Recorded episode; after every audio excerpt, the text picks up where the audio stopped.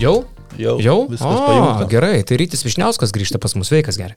Sveiki, malonu. Sveikas geriam, sakiau. Sveikas, geriam. Norėjau sakyti sveikas seniai, pasakiau sveikas geriam. Galima atsigert vandenuko. Sveiki. Nu, ką vyriukai? Sveiki. Ai, kažkoks šiandien apduja, žinok, po NBA. Žiūrėjai? Fantastinės rungtynės buvo Bostono su Milokiu, bet kadangi labiau į Bostoną linkęs šitoj serijoje, tai gan skaudžiai viskas man baigės. Tai pakilau taip sunkiai, lyja, drėgna, kelienas skauda, Red Bullio ir kirtau. O tu kaip mano jus. tau pagal orą, tu jauti pagal kel, kelius, Mm, koks bus oras, Pagal ne? drėgmę mano kelienas man duoda signalus. Jeigu drėgmė... Aš visą kyla, laiką žinai, galvojau, nu, kad tai- mačiutė įsidirbinėja. Ne, ne, žinok, ant sanarių, ten kur traumuotos, tai traumuotos kojos, ar ten kaulai rankos, ten buvo lūžę, jaučias, jaučias žiauriai. Geras, geras. Kurią valandą mačas buvo? Antrą mūsų laikų, Tai tu sulaukiai ir visą pažiūrėjai ir tada tik įmėgoti, ne? Jo, baigęs ten prieš pat penkias, tai taip apie penktą su visom emocijom suvirškinės. Aš mėgstu peržaisti, kur tokios rungtynės vienu tašku baigėsi, mėgstu peržaisti paskutinės mm. takas mintyse, ką jam reikėjo padaryti. Tai jo, penktą pamiegot, vienuoliktą tai pakilau. Nu, nėra, kad visiškai čia nemėgau, šešios, šešios valandos miego. Šešios nuo širdžios valandos miego. Bet labai nekokybiškos, kai nueini taip vėlai. Taip, taip, sutinku. Ir sutinku. per Bet NBA playoffus jaučiu keičiasi tavo labai tas dienotvarkį ir miegas. NBA playoffai jo tas laikas, kai... Nu, kita vertus, aš ir sezono metu iki geros popietės taip miegu. Mm. Nu, naktinis aš žmogus. O per kur žiūri NBA? Lyg pesa arba, arba GAU3. Nu. Kiek sumokėjai už lyg pesą? Nelabai daug, nes aš pirkau dabar uh, playoffams. Mhm. Tai kiek ten 12 gal eurų mėnesiui šitam ir dar ten pirmos septynios dienos yra kaip trialas, nemokamai, nu aišku, vis tiek aš pasiliksiu iki galo, tai o po to finalų visas rungtynės vis tiek rodys per GAU3, tai nu, tiek to lik pesų man Bet reikės. jeigu tu būtum naudojęs NordVPN, tu galbūt būtum nusipirkęs NBA lyg pesą gerokai pigiau. Tiesa, Pavyzdžiui, pirktum nevasi Indas arba Mozambiko šalies gyventojas. Galbūt būtum sutaupęs, nes turėtum NordVPN. Tai vad būdami Lietuvoje ir naudodami mūsų partnerio NordVPN teikiamas paslaugas, jūs galite daugybę dalykų padaryti kokybiškiau, saugiau ir netgi pigiau. E, Mūsų senas bičiulis NordVPN kart kviečia jūs įsigyti su didžiulė nuolaida savo paslaugas.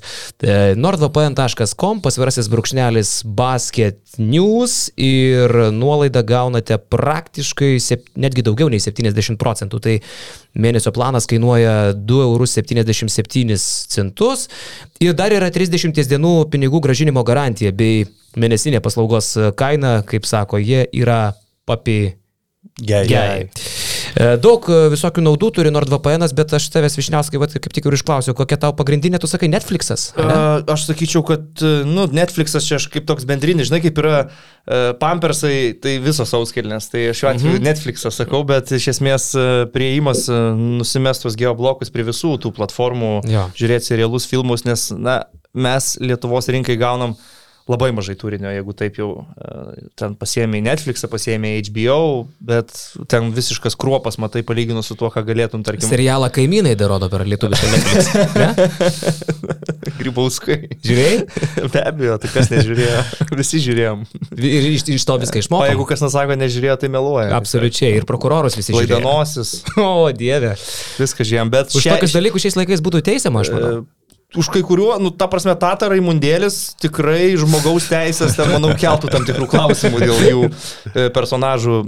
Bet e, šiaip tikrai pritariu, kad e, labai geras dalykas yra nusimti geoblokus, Taip. pasimti amerikietišką, pavyzdžiui, Netflix ir žiūrėti viską, ką reikia, kiek nori. Taip, ir sporto įstroliams tai irgi aktualu. Čempionų lygą galima žiūrėti per YouTube kanalą su NordVPN, tiesiog pakeitus lokaciją. Čempionų lyga FIBA. Pabrėžk. Be jokios Pabrėžk. abejonės, taip. Ne visai ten čempionų lyga, tai ten tokia labiau- čempionų lyga. Labiau lyga iš to, kas liko. Ja, ja. jo. Taip, taip. A, Lėktuvų bilietų, sako, galima įsigyti irgi pigiau, tiesiog naudojant skirtingų šalių serverius ir tam padės jums NordVPN. -as. Prasideda Formulės 1 MotoGP sezonas, tai Lietuvoje e, lenktynės galima pamatyti tik tai per mokamus kanalus, o prisijungus prie Austrijos ar Belgijos serverių, lenktynės galima žiūrėti ir per jų e, televizijų transliuotojų internetinius kanalus nemokamai. Tai e, be viso šito NordVPN duoda gerokai padidintą saugumą jungiantis prie viešai prieinamų oro uostų, kavinių, viešbučių Wi-Fi, tinklų. Greičiausias VPN rinkoje ir tai yra absoliučiai lietuviškas produktas, kurį naudoja net absoliučiai lietuviškiausias pasaulio treneris Ginteras Krapikas. NordVPN. Ačiū, kad esate su mumis, naudokitės ir jūs. Nuo dabar Žinok, apie... NordVPN, šiandien. aš užbaigsiu šitą temą, mhm. ant tiek visur dabar yra išplitęs, kad žiūrėjau vieną kartą žaidimą, kas ir kodėl, ir moteris buvo su NordVPN džemperiu. Ten tas mažas logo, kas nežino, gal ne, nepažino, bet aš tikrai pažinau, kad yra NordVPN logo, tai produktas augantis. Aš tai buvau įsigandęs, kad tu kalbėsi apie tą laidą, kur aš dalyvauju. Ne, aš apie tą laidą nenoriu net kalbėti. Ačiū tau labai už tai. Bet tu irgi dalyvavai. Du kartus. Kaip tau Ir sekėsi? Trečią planuoju. Nu, geriau nei tau. Patekai į finalą. Pirmą kartą buvau patekęs į savaitės finalą. Ar tai tu laimėjai visą žaidimą? Dienos. Okay. Tuos du e, pusfinalį ir finalą, bet savaitės tame pralošiau, susimoviau truputį. O praeitą antrą kartą, kai buvau, tai prieš mane atsisėdo bičias, kur, nu, jisai tam mygtuką vadai paspaudė. Ten lengvi klausimai buvo, bet, nu, neatsilaikiau tiesiog prieš jo tempą pasiūlytą. Tai. Man buvo labai sunku žaidimas šiaip. Aš paskui dar kartą jį peržiūrėjau. Tu žiūrėjai mano žaidimą? Žiūrėjau. Buvo du klausimai, kurių man labai gaila, nes aš tikrai žinojau atsakymus. Tai Lara Croft, aš tiesiog nespėjau. Mergina greitesnė buvo. Nu, gi visi mes pažįstam Lara Croft. Ir apie Lenkiją ir druskų kasyklas. Nu, tikrai žinojau, kad druskos, bet nespėjau.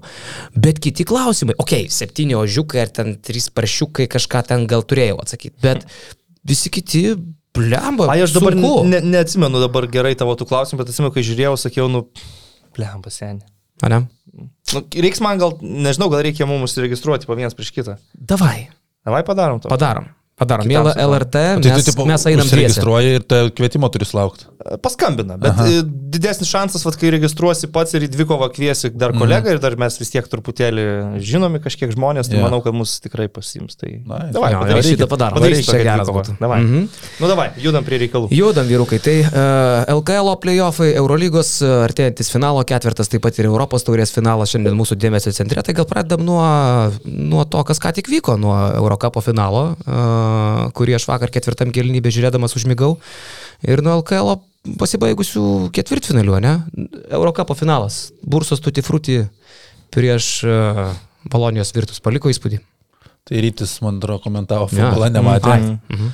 O finalas, tai aš grįžau ant antro kelnio, tai jau pirmavo plus 10 virtus ir tas pranašumas realiai ir laikėsi iki pat pabaigos, daugiau mažiau. Nu ir atsitiko tas, kas ir turėjo atsitikti. Jeigu čia būtų laimėjus Bursos komanda, tai man atrodo būtų sumaišę ir visa, visus planus Eurolygai, nes turėtų Bursą priimti tiesiog į Eurolygą. Dabar Virtus patenka, belieka ieškoti dviejų kitų klubų, kas pakeis agresorės, agresorės komandas. Tai šiaip dėl Virtus man tik tais buvo liūdniausia žiūrint vakar Teodosičius 21 taškas finalo MVP ir tu matai, kad Milošų Teodosičiui 35, vidurkis per 23 minutės 8 rezultatyvūs perdavimai, kas yra kosmosas ir jisai ateis į Eurolygą po trijų sezonų Europos orė, tai liūdniausia, kad tos gerus metus savo išvaistė tikrai antrajame turnyre. Aš tai dar pabrėžčiau, kad Virtus komanda, nu, kad laimėjo, tai yra tarsi logiška Eurocapo pabaiga šiam sezonui. Jie favoritai nuo pat pradžių, jie dar sugebėjo sezono metu prisidėti haketą su Šengelėje į taip ir taip jau stiprią veteranų komandą, bet iš ankstesnių etapų finalo nemačiau, bet ankstesnius etapus mačiau, tai jie, taip sakyčiau, nuklibinkščiavo iki to finalo, nebuvo ten labai užtikrinto dominavimo, net Prieš Lietkabelį ten buvo mačas, kur tampėsi ir, ir Prieš Lietkabelį gal jam net vienas sunkesnių rungtinių playoffuose buvo šiaip jau. Bet ir paskui buvo nelengvi mačai. Tai nežinau, kažkaip tai tarsi laimėjo favoritai, bet žaidimu netrodo, kad taip iki galo įtikino, žiūri tą sudėtį ir galvoju, kad jeigu su ta veteraniška sudėtimi jie ateis į Eurolygą, tai čia bus, bus reikalų, reikia pridėti atletiškumo, pridėti greičio einant į Eurolygą, negali su tiek veteranų tenai, tarkim, turi Teodosičių, bet turi tada pagalvoti, kad šalia turi būti kažkoks atletiškas Alavolkopas, kuris gynyboje padengia Teo trūkumus tos visus, tai e, bus įdomu pažiūrėti, ką vasarą jie sugebės nuveikti, dabar jau žinodami, kad Eurolygoje žais. Jo, manęs šiaip irgi tas neįtikino jų žaidimas, bet žiūrint į pavardės, veteranų didžiulę Ne, tai komandą. IQ komandoje tai... Jokių tai dabar atkrintamųjų kalibras, faktas, kad bus kažkokie pasikeitimai, bet tų di- didelių pasikeitimų nereikės, turėtų dar grįžti. Ekpe juda nuo kito sezono, visą mm. šį sezoną praleido Niko Menijonas, tikrai nebus toks, koks jisai buvo šį sezoną po savo problemų visų. E, Tai manau, kad bus minimalus tie pakeitimai, prie tėvo aišku reikia kitokio ibiški žaidėjo, Belinėlis irgi 36, reikia čia pagalbos. bet- Judo irgi pensininkas. Judo 34, tai tikrai, bet, Bet dar juda. Bet dar, nu, nebejuda. šį sezoną. jo, Jau nebejuda. Šiaip, mhm, tęsk. Mamas žaidė irgi Eurocapo MVP toks, iš atrodo, iš niekur atsiradęs, e, turėjo būti judo e, dubleris, bet tapo MVP, tai galvoju, sakau, koordinėja tų, tų žaidėjų, tai tikrai nereikės didelių permainų virtus, kad jie pretenduotų atkrintamasis kitą sezoną. Su tokia sudėtim? Manau, Ne, kad bus minimalios permainos. bet- Pridėti ir čia turbūt, kad jie vėl užmesakė, aš galvoju, tą nubirėjusių Rusijos rinkos žaidėjų. Uh, nes ten visi Džonai Braunai, Lorenzo Braunai bus prieinami. Tikrai Džonas Braunas neliks kur ten jisai Brešijoje ar su kuo ten pasirašė, net Mhm. neatsimenu. Ne, ne, aš manau, kad jis į Tai- Barceloną eis. Kažkokį tokį jausmą turiu. Nu, ir jau kalbos tokios prasidėjo. Tai va, iš tos rinkos bus ką pamedžioti, ten ir Klaiburnas ir panašiai, tai aš galvoju, ten daras e, Virtusas, Skariolo, savo tinkamų veidų. Šiaip, kaip pagalvoju, Lietkabelis sužaidė tokias prastas rungtynes su Virtusu ketvirtfinalyje. Nu, vienas prastesnių šį sezoną. Belė kiek klaidų, aštuntfinalyje, neišnaudotų galimybių, vienos prastesnių rungtynių ir net su tokiu žaidimu Lietkabelis dar buvo rungtynėse, dar galėjo laimėti tą mačą. Virtus nieko ten nerodė. Tai Virtusas ir grupio etape ten nepasakysi, kad dominavo. Ten Penkta vis, vieta. vis sakė, kad pirmas įdas, pirmas įdas nieko panašaus. Ketvirta, nes Ketvirta, nes namie žaidė su Lietkabilis. Mhm. Mm Lietkabelis penktas. Taip, taip. Bet, nu, vis tiek ketvirta vieta Virtusas. Ten visi paaiškė nuo pradžių Eurocapo, kad yra dvi komandos - Želko su Partizanu, Virtusas su Skariolo. Ir jos turi aiškintis ir viena iš jų laimi, bet kelias nebuvo toks lengvas. Tikrai, Bolonijos klubui. Dabar matau, kad Eurolyga ką tik paskelbė penketuką. e, Tai aš nežiūriu specialiai, kad mes Aha. pabandytume paspėlioti, kas į jį pateko ir podcast'o metu iš karto pažiūrėsim. Gerai? Okay, okay. Jo, nes matau, ką tik, ką tik. Nu tai praignoruok kol kas. Jo, jo, nežiūriu. Jo, gerai. tai mes apie tai šitam podcast'e, va, dar pabandysim ir Eurolygos įskirti, regulia... kadangi turim rytį, tai bus įdomu pasikalbėti apie Eurolygos reguliarkę, apie playoffus, pakalbėsim apie geriausią penketuką, apie antrą penketuką, apie įdomiausius stebėti žaidėjus, tokį va, savo net subjektyvų penketuką. Jo, nes žmonės pasilgo ryčio lietuviškose podcast'ose, tai jie, ir visi pasilgo. žinok, pasilgo. pradėjo rašyti. Lemba komentarai ten pem pem būna, vieniems labai nepatinka, kaip tik. Nusako, kad tu pasipūtęs esi labai. Mama man taip nesako. Tai va. E, tai gal apie Europos taurę tiek, Bolonija į Eurolygą dar turit ką pridėti? Nemanau. Jo. Tai turbūt kas e, prisidės Valencija, manau, prie tų kitų klubų. Į Adrijos lygų spręs, ar tas partizanas gaus tiesioginę vietą iš Adrijos lygos ar vardinį kvietimą, manau, taip ir išsidėlios tos trys vietos. Sakai, partizanas susvesda, bet kuriu atveju būtų. Serbių dvi komandos jau kurį laiką buvo kalbama, kad norėtų. Mm. Aišku, mes labai nesupyktumėm, jeigu jie į Vatutino lygą nueitų. Jeigu ne vienos nebūtų, Euro- sakant, sakau, į Vatutino Taip, taip, lygą. taip. Eurolyga žiūri taip. Jo, o Lietuvos krepšinio lygui vakar turėjom ir vieną ilgiausių spaudos konferencijų šį sezoną, 20 minučių užtruko kartu Dainiaus Adomaičio ir Kazio Maksvyčio pokalbis su žurnalistais. Žurnalistų tiek daug, aš irgi nemačiau šį sezoną. Euroly- niekada. Eurolygos. Eurolygos lygos Eurolygos. spaudos konferencija sėdi visi iš visų portalų, klausimų belė kiek ir serija to verta. Turbūt niekas negalėjo patikėti, Višniauskas turbūt pirmų numerių, kad Neptūnas gali kažką panašaus sukurti. Net ir prieš tokį žalį. Vienintelis. Vienintelis žmogus Lietuvoje. Tai tikrai pagarba. Visi, manau, kai pamatė tą prognozę Roko 3-2, tai sakė, nu tai jis iš Klaipėdos, tai čia tiesiog savo komandai nenori blogo rezultato rašyti, bet Jo, jo. realybė, realybė tokia, kad Žalgiris prakaitavo. Žinai, kuris man momentas labiausiai juoką sukėlė vakar? Na. Kai tu matai tą Websterį tokį tarsi švenčiantį, kad laimėjom čia sunkia penkių rungtynių seriją. Toks, toks, tipo, yeah. Gerai, gerai, viskas gerai, judam toliau, playoffai, važiuojam. Ant kiek žmogus nepagauna, kad čia šiaip, nu, labai prastai atrodo. Žinai, ką man priminė iš karto? 3-2 su Neptūnu. Man priminė Martiną Šilerį, kuris irgi turbūt panašiai būtų triumfavęs, ar ten su šipsenytė tokia iškelęs rankas, gal net būtų fanam, va tai padaręs, žinai. Bet žinai, Šileris palyginus nu, vis tiek yra uh, inteligentas. Nu, okay, jis gal ten Bet ne tą visai kontekstą. nesuvokimo Nu, jausmo taip, prieš taip, ką taip, tu žaidėjai ir ką tu laimėjai. Bet žinai. man į tą Websterį šėlstantį žiūrėti, nes paskui irgi viduriuko komandos suėjo sudėti rankas, jis ten per vidurį ten kažkas daro, nu, nusenė. 3-2 ketvirtfinalį aploštas buvo Neptūnas. Arba į- į- į- Neptūnas Bejanavičiaus su ten traumuotais visokiais Sidarevičiais vos pajudančiais paaištę. 3-2 buvo. Apie. Nojų Mineikį pusė Lietuvos dar net girdėjo, turbūt nebuvo. Nu, bent jau aš ma- Maišo su jo tėvu greičiausiai, bet Websteris dar vieną trajekėlį įmetęs, matei tokį šiknytę šokį dar sušoko, jeigu įmatai rungtynės. Nu, mačiau. Tai jūs, nežinau ar praleidot, bet e, kai Garliavoje žaidė trečiosiose rungtynėse, Websteris prasiveržė pelnę taškus, nu, neatsimenu prieš kurį nepno žaidė, jis reikia raumenis rodo, sako, too small, too small. tai taip, nes tu matas Vaitkus, tu tikrai esi too bet small. bišas realiai jaučiasi, kad čia Bostonas prieš Brukliną žaidžia maždaug. jo, jo, ir jo, jisai yra ten svarbios e, playoffų serijos dėmesio centre.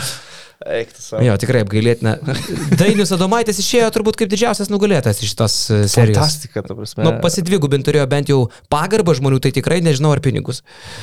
Nors manau, kad pin- tai pinigus tiesiog- gyrė. Bet, tai yra tiesiog, mes net nuo pradžių taip sakėm, kad yra per geras treneris dabartiniam Neptūnui ir tai tiesiog tokios aplinkybės, kad Adomaitis buvo be darbo ir mm, sunkiai galėjo gauti kažkokių labai gerų pasiūlymų ir atsidūrė Neptūne, bet tai yra, nu, per geras treneris Neptūno klubui ir tam, kad jis liktų Klaipėdui, turi Neptūnas trigubai ten didintis biudžetą ir ambicijas, nes nu, mes pamatėme iš tos serijos, kad uh, kiek momentų, kur tiesiog apžaidinėja žalgerį taktiškai, bet nu, trūksta meistriškumo iki galo kažką įgyvendinti. Ten idėjos labai aiškios, kad tu, kai giniesi, atim žalgerio opcijas ir priverst va tą Websterį žaisti aiso krepšinį, nes jis ten nesąmonės daro. Nu, ir tu nukirtinėjai ten žalgerio kažkokius tai derinius. Ir, nu, tiesiog, sakau, Jo, jo, jo. akivaizdžiai per geras treneris dabartiniam Neptūnui.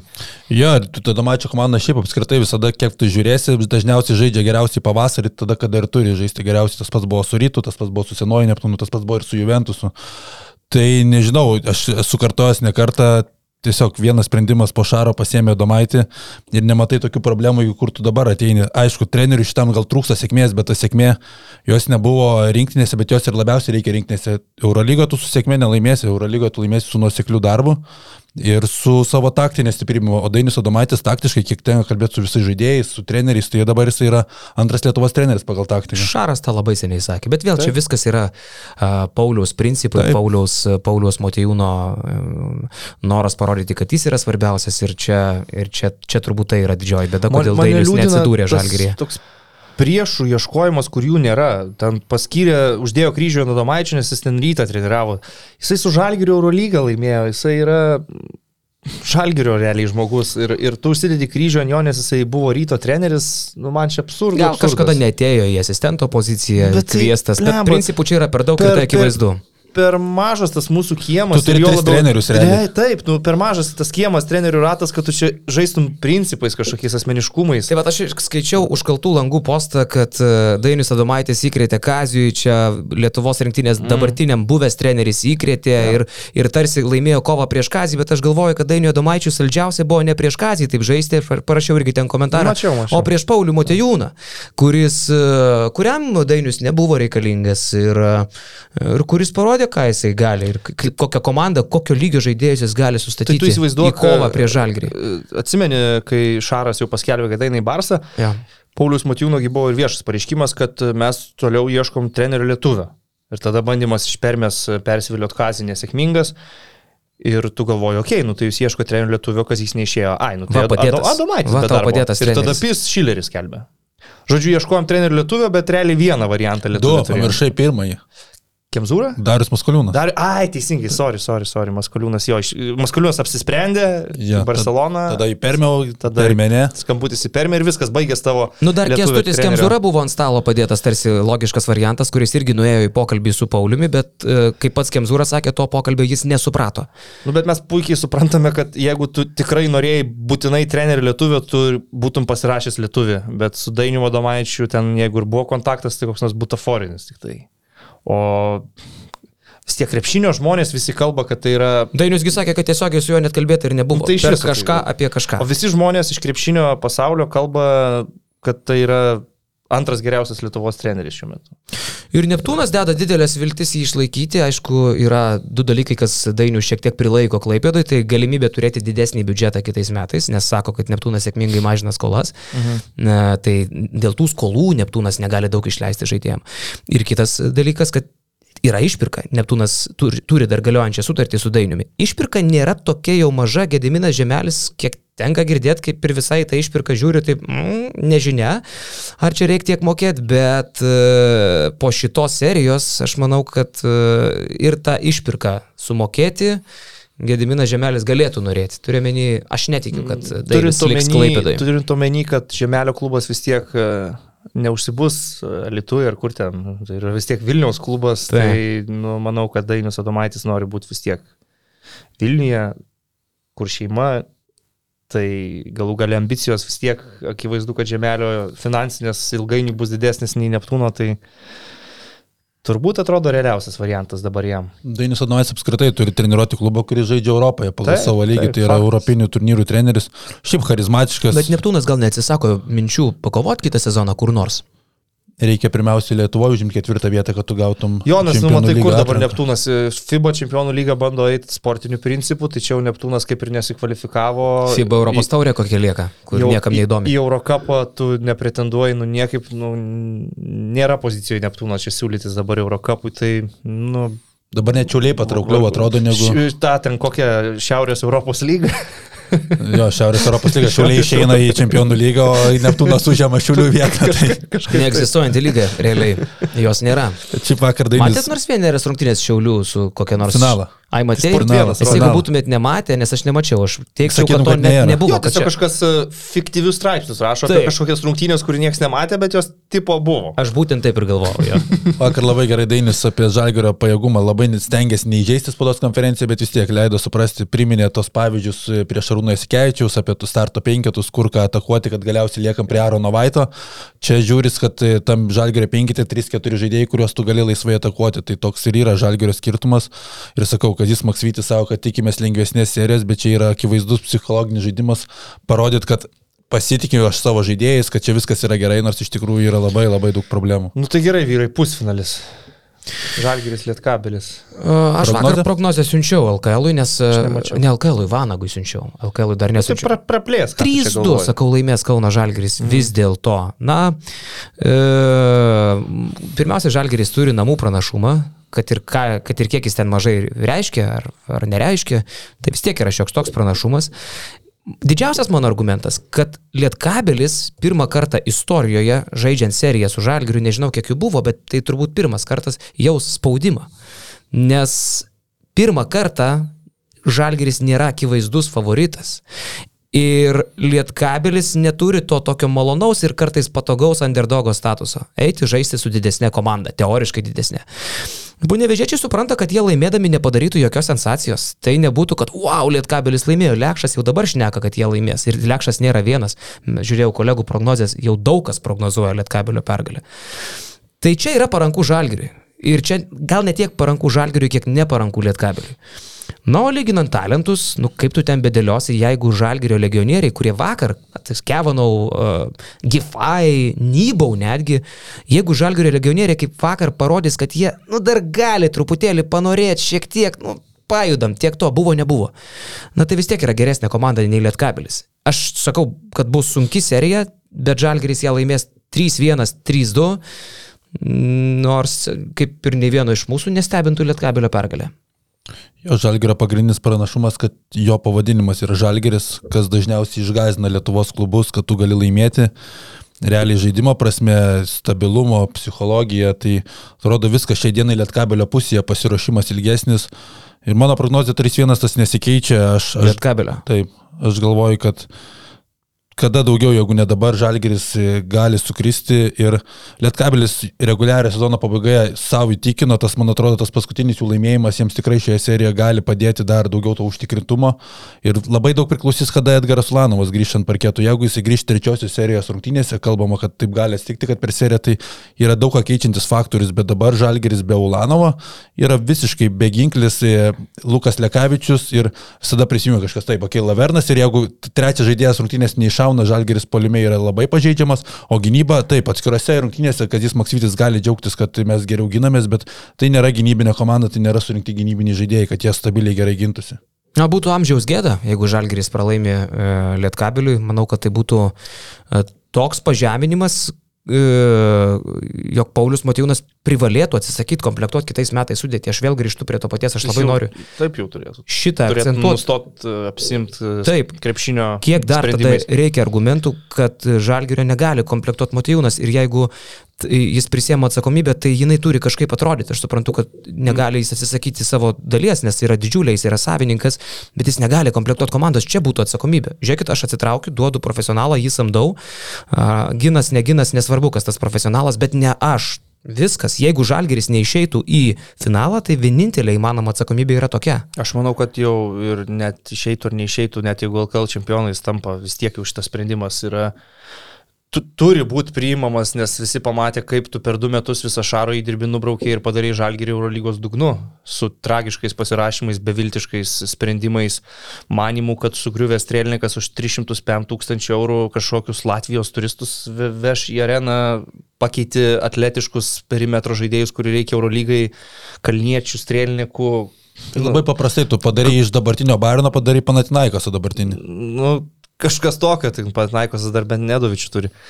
Tai man atrodo, čia net nuo šitų LKL playoffų baigties tas neturėtų priklausyti. Na, aš turiu bet... meni, kad ko gero nepriverstų jo atsis, neatsistatydinti, o atsitraukti nuo komplektacijos e, laimėtas LKL čempiono žiedas. Nes tada tarsi mm. būtų, na, buvo sunku, bet ai, Užbaigė. Kaunas čia švenčia vėl prie rotušės, prie rotušės vėl susirinkom ir vėl, je, je, je, žinai.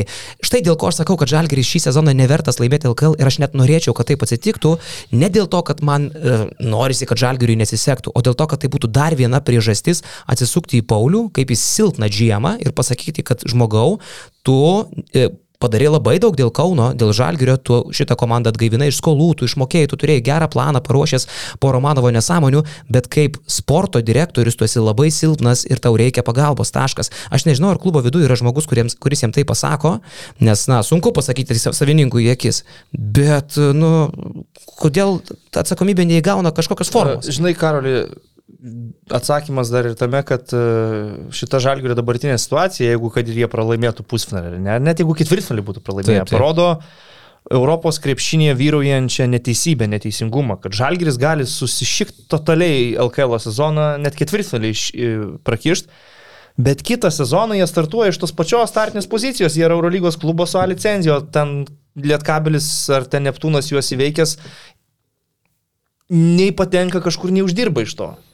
Nu čia absoliuti yra krepšinio pasaulio neteisybė. Tu susimoviai nacionaliniam čempionate, tu turėtum jausti to pasiekmes.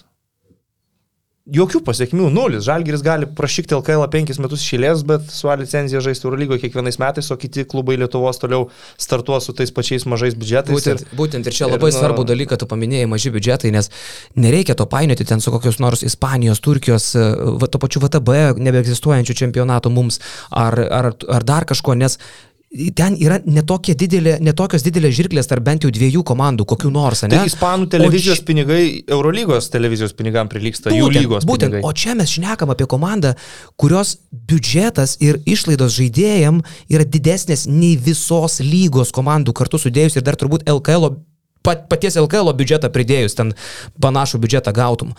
Tai, na, tai tiesiog yra tokios žirklės, toks didžiulis skirtumas, kad taip e, surinkti komandą kaip šį sezoną yra, atrodo, neįmanoma, bet pavyko. Nu jo. Nu, okei, okay, aš savo prognozę gal dar nepasidalinau. Baigiant tą temą, aš vis tiek manau, kad Žalgiris laimės, spėčiau 3-1, aš sutinku, kad Žalgirė tik du žaidėjai yra realiai darantys skirtumą Lekavičius ir Ulanovas ir Ulanovo nežaidimas LKL kontekste, matom, kiek tai lemia, nes LKL kontekste tai vis tiek žaidėjas, kuris gali sudominuoti ant taurių turnyrų MVP pastovus ir taip toliau. Taip.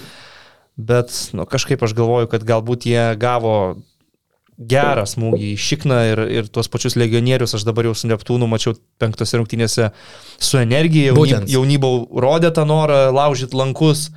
Tai galvoju, kad jie vis tiek nueis tolyn ir, ir po to prieki žiūrint ir finalą turėtų laimėti, bet nu, vis tiek sutinku su kiekvienu tavo žodžiu dėl, dėl Paulius Matijūno ir tos visos atsakomybės. Žinai, kas yra baisiausia su Lietkabeliu, kad, kaip ir tu paminėjai gerai, kad jie dabar realiai jaučia spaudimą žaidami prie žalgį ir to niekada nebuvo. Ir mes galim atsiminti pernai metus, kai Lietkabilis žaidė tikrai labai gerą sezoną, artėjo pusfinalis su Vilniaus rytų ir jie jautė spaudimą jį laimėti, nes ten buvo 50 prieš 50. Irgi daug kas sakė, kad Panevežys laimės. Ir Lietkabilis 0-3 beviltiška pusfinalio serija. Mhm. Tai tas spaudimas jiems tikrai šioje vietoje nepadeda. Tai, Būtent. Tai mhm. va, pažiūrėsim, ar šiemet turi didesnį stuburą Lietkabilis užsiauginęs negu buvo pernai, nes realiai sudėtis visai kita yra. Treneris tik tais išlikęs. Nu, Karoli, o Šiauliai ims vieną pergalę prieš rytą. Aš prognozavau 3-1. Šiauliai turi uh, smagią komandėlę, uh, turi, jeigu Elmoras dar žais, tai no, pakankamai ir talento, kad rytą nugalėtų vieneriose rungtynėse. Aš manyčiau, kad vieną pergalę Antanas reikia išspaus. 3-1. Aš rašiau 3-2, bet labai daug priklauso nuo... Ryto 3-2. Ryto 3-2. Jeigu Elmaras žais, nes e, šiulių gynėjai Senonas, Sabetskis, Elmaras, Varnas Tankievičius, realiai žiūrint popieriaus prieš Smitą, Karniauską, Girdžiūną, Normantą, man nėra čia kažkokio ryto didelio pranašumo, nematau aš to pranašumo.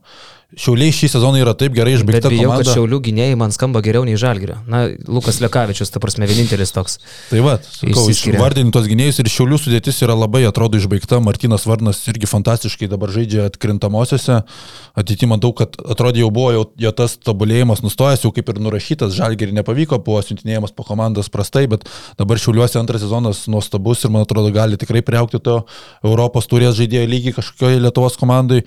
Šiuliai smagiai žaidžia, sakau, kiekvienoje pozicijoje po pakeitimą turi, galima atsiminti praeisiais metais Gedrius Staniulis už Zukų žaisdamas, kaip maudydavo Ivaną Bubą. Tai priekinėje linijoje irgi rytas nėra toks ryškus, aišku, buvo faktorius palime daug ką lemia, bet sakau, turėtų būti smagi serija, turėtų būti rezultatyvios rungtynės, kai šiauliai žaidžia dažniausiai įvelia į savo tą smagų žaidimą, greitą žaidimą, tai aš tikiuosi ilgos ir smagios serijos. Nu, šiaip tai aš galvoju, o kaip tau prognozuoti šiauliai rytas? Tu nelabai Tai aš, žiūri. aš tą norėjau pasakyti, Jo. kad aš šiaulių matęs kokie nu, pusantro kėlinio, tai čia man apsimės, kad aš jų žaidimą žinau ir čia galiu skaityti mismešus. Tai absurdas būtų, tai aš tiesiog šausiu iš lempos 3-0 ryto. A tai nėra labai išlempa, žinok. Nu, tai, Nu, bet aš tai, būtų, tiesiog- tai būtų gana aš, logiška. aš dar rytą matęs ten ir čempionų lygoje, ir ten LKL, ten su Lietkabiliu, va, tas, kur buvo mačas, tas paskutinių sekundžių, kai jie reguliaraus pranašumą pasiemė žalgerį, mačiau, kai jie nugalėjo, tai su ryto komanda, aš vadinkim, susipažinę su šiauliais. Tai tiesiog Žinai, yra... dursiu pirštu, tai va, į 3-0 ir tiek. Argumentų neturiu jokių. Šiaulių naudai tarsi e, privalumas, kad jų forma panašu, kad gerėja, kyla. E, net ir be Elmoro jie Jonavą pervažiavo ir dar be Urbučio, bet Urbučio ir nebus. Bus, bus jau buvo apšilimė. Ok, tai jų, jų gerėja žaidė. Rytas su Dzukyje pavargo porą rungtynių, netrodė įtikinamai, netrodė kaip geriausias rytas, kokį mes šį sezoną matėm. Trumpai, jau senokai, bet matėm. Tai šiauliai toks gali būti tamsus arkliukas, kurio nei žinom, Apie juos niekas nekalba. neįvertinam, jo, jie tokie apie nieką atrodo. Ir žinai, dabar tu šiaulius pasižiūri, ten krepšinis turbūt dabar yra per atkrintamasis, atrodo labiausiai daug ką reiškia Lietuvos krepšinio lygos atkrintamosios virš 4000 su, jo, su Jonava. Manau, kad kuomet atvažiuos rytas, bus full house'as, 5000 parduoti. Iš 4000. Jo, su Jis Jonava. Klaipėdui tik 2,5 te buvo prieš žalgerį. Taip, buvo virš 4000 Eik tu šiauliuose. Ir geltonos maikės aprengti, tai tikrai ten gražiai dirba ir Šaunuoliai. komunikacija. Tai turbūt, kad e, aš nepamenu dabar be skaitinių su prognozu, bet ten uh, Jonava šiauliai tai nebuvo, kad ten šiaulius labai visi prognozavo. 5-5 buvo, penki Lygų, tie, ne? Nu, penki tai tie. va, Prašau, prašau. Jo. Okay. Tai va, gal tiek LKL dar uh, spėsim pasikalbėti, šiaip ką, prasideda jau penktadienį pirmos rungtynės rytas, uh, tiksliau, šiau, rytas šiauliai, šeštadienį uh, žalgeris lietkabelis, tai uh, kitą savaitę padarysim podcastą, jau pakalbėsim apie tai, ką realiai galėjom pamatyti ir pačiupinėti. Nu, o dabar perinam prie to, dėl ko mes čia Višniauską pasikvietėm. Apie Eurolygą labai mažai kalbėjom. Jofana, pavarom? Pakalbam. Tai žiūrėkit, Bandom. Padarom gal taip. Pradedam nuo to, ką Eurolyga ką tik paskelbė. Pabandom kiekvienas atspėti, kokį padarė pirmą ir antrą penketus Eurolygą ir iškart pažiūrim. Jau yra ir antras penketas. Mm, Mačiau, kad tikrai pirmą į, į, įmetė man. Nes aš ką užsirašęs e, pirmą penketą, tai man atrodo gali su visai sutapti Mike James, Larkin, Vezenkov, e, Mirotičius Tavarišas. Šimtų procentų. Tas pats mano. Vis, visi tą patį spėjo. Aš ir anksčiau, mes prieš tris gal savaitės su Doncija sudarinėjom jau angliškam tos penketus, tai mano toks pats visiškai buvo. Mm. Mm. Doncijai dar nepatiko, aš Vezenkovai trečią poziciją statau, bet sakau, kam Tu palėjus galėtų Nu, du polėjai. kaip nori, tai šiaip jeigu realybėj Gali žaistų Miro ketvirtų, Vezenkovas trečių. Nebūtų problemos. Tai jau problema Neatrodytų būtų. blogai jo. Bet e, reikia dar pasakyti, e, kad Eurolyga renka pagal ne tik tai ma, mažiau pagal naudingumą, labiau pagal tai, ką komanda pasiekė. Ta prasme, gerų Mhm. komandų lyderiai. Tai Nu, playoffuose visi žaidė. Jo, jo, jo. Tai antram penketui renkant, tas turėjo man, pavyzdžiui, didelę įtaką. Jo, jo, jo. Aš rinkausi tarp kelių žaidėjų, tarsi... Mm, bet aš nebejoju, kad Kostas Lukas turėtų būti pagrindinis kandidatas į antro penketo geriausio jeigu žaidėjo aš- poziciją. Galiu pabandyti visą suspėti. Tai aš tada pasakau, ką aš susirašiau, pažiūrėsim, kiek sutaps. Slukas, Micič, Lučič, Jabuselė ir Deivis. Pas mane vienas pas mane nesutampa. vienas. Mustafa Fal pas tave vietoj ne, Deivis. Ne, pas mane, pas mane yra taip. uh, Slukas, Micičius, Šilcas vietoj Lūčičiaus. Jie buselė, tai čia kas be ko. Blemba, pamiršau, ką aš centrų tiesą sakant užsirašiau. Nu, galėjo pastai koks būtų Papajanis, Veselis. Papajanis. Bet 14 vietą. Nors šiaip Aš galvoju, arba Veselis, arba Papajanis, sakiau tada podcast'e, tai nereikia keisti to, to, ką buvau pasakęs prieš tai. Bet, nu, nedėvisas. Dėl Šilso, e, žinai, kodėl vis dėlto Lūčič, aš irgi Kad taip Šilsas traumą turėjo? mažai rungtynių, kitas dalykas, vidutiniai labai playoffai jam, jis ten turėjo geriau pavaryti, kai tiek traumų buvo, ne? O Lūčič 15 balų puikioj serijoje su Barsa, panašus vidurkis ir visą sezoną, mažai traumų. E, komanda iš esmės pasiekė ir daugiau už tą patį Milaną. Tai va dėl to aš Mm. Lūčič į trečią. Aš svaršiau ten visokių dar variantų, kad ir koks Vilbekinas gali įpult, tarkim, arba Nanalį iš Makabio vis tiek penktą sydą pasiemė, bet tas 0-3 playoffuose tikriausiai juos eliminuoja kaip tokius. Jo, jo. Nu ir ką tu? Pas mane keturi sutampa centras skiriasi, falas pas mane yra. Jo, falas, geras O variantas. dėl geras. papajanio aš galvoju, taip geras sezonas, bet man atrodo buvo sezonas, kuomet e, Maikas Džeimsas tapo rezultatyviausiu Eurolygos žaidėju. Jo. Armanis buvo apačioje ir jis nepateko į nei vieną penketą, Jo. tai papajanio dar prastesnė situacija turbūt. Jo, Eurolyga, taip, aš sutinku, kad tikrai, kai tu renki labai daug dėmesio, turi skirti kaip komanda. Finišavo, aš sakau, net nesimenu, kurį ten rašiau, ne Deivisą tikrai, ne Falą, gal Veselį pas mane buvo vis dėlto. Nu, bet irgi Feneris ne- nedeliverino.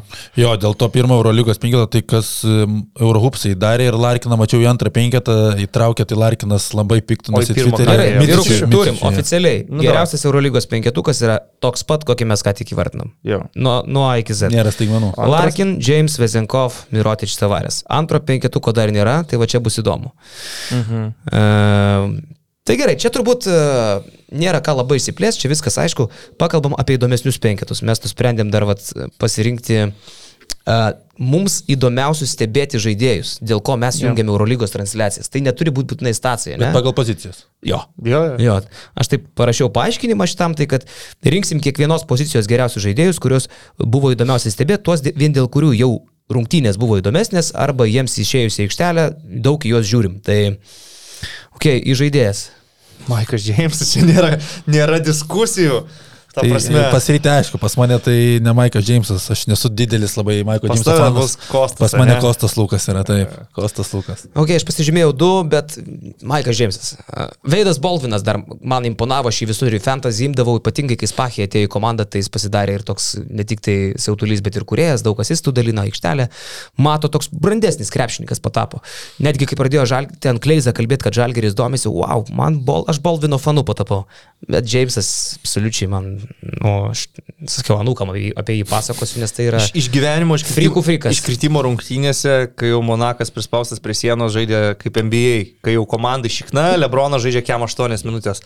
39 minutės, 42 sekundės aikštelėje, e, tose ketvirtose rungtynėse. Ir šiaip, man atrodo, kad kažkiek Džeimsas savo mm, skeptikams pasiuntė tokią žinutę šį sezoną. E, Faktas, kad ten su Zvezdanu Mitrovičium buvo daug netvarkoj dalykų, su Rubinė ten ir su Jamesu ir su Baconu, nu, buvo pravalas ar ne, bet kai atėjo Saša irgi, pirma mintis, kad ateina čia vos net diktatorius treneris, Jo.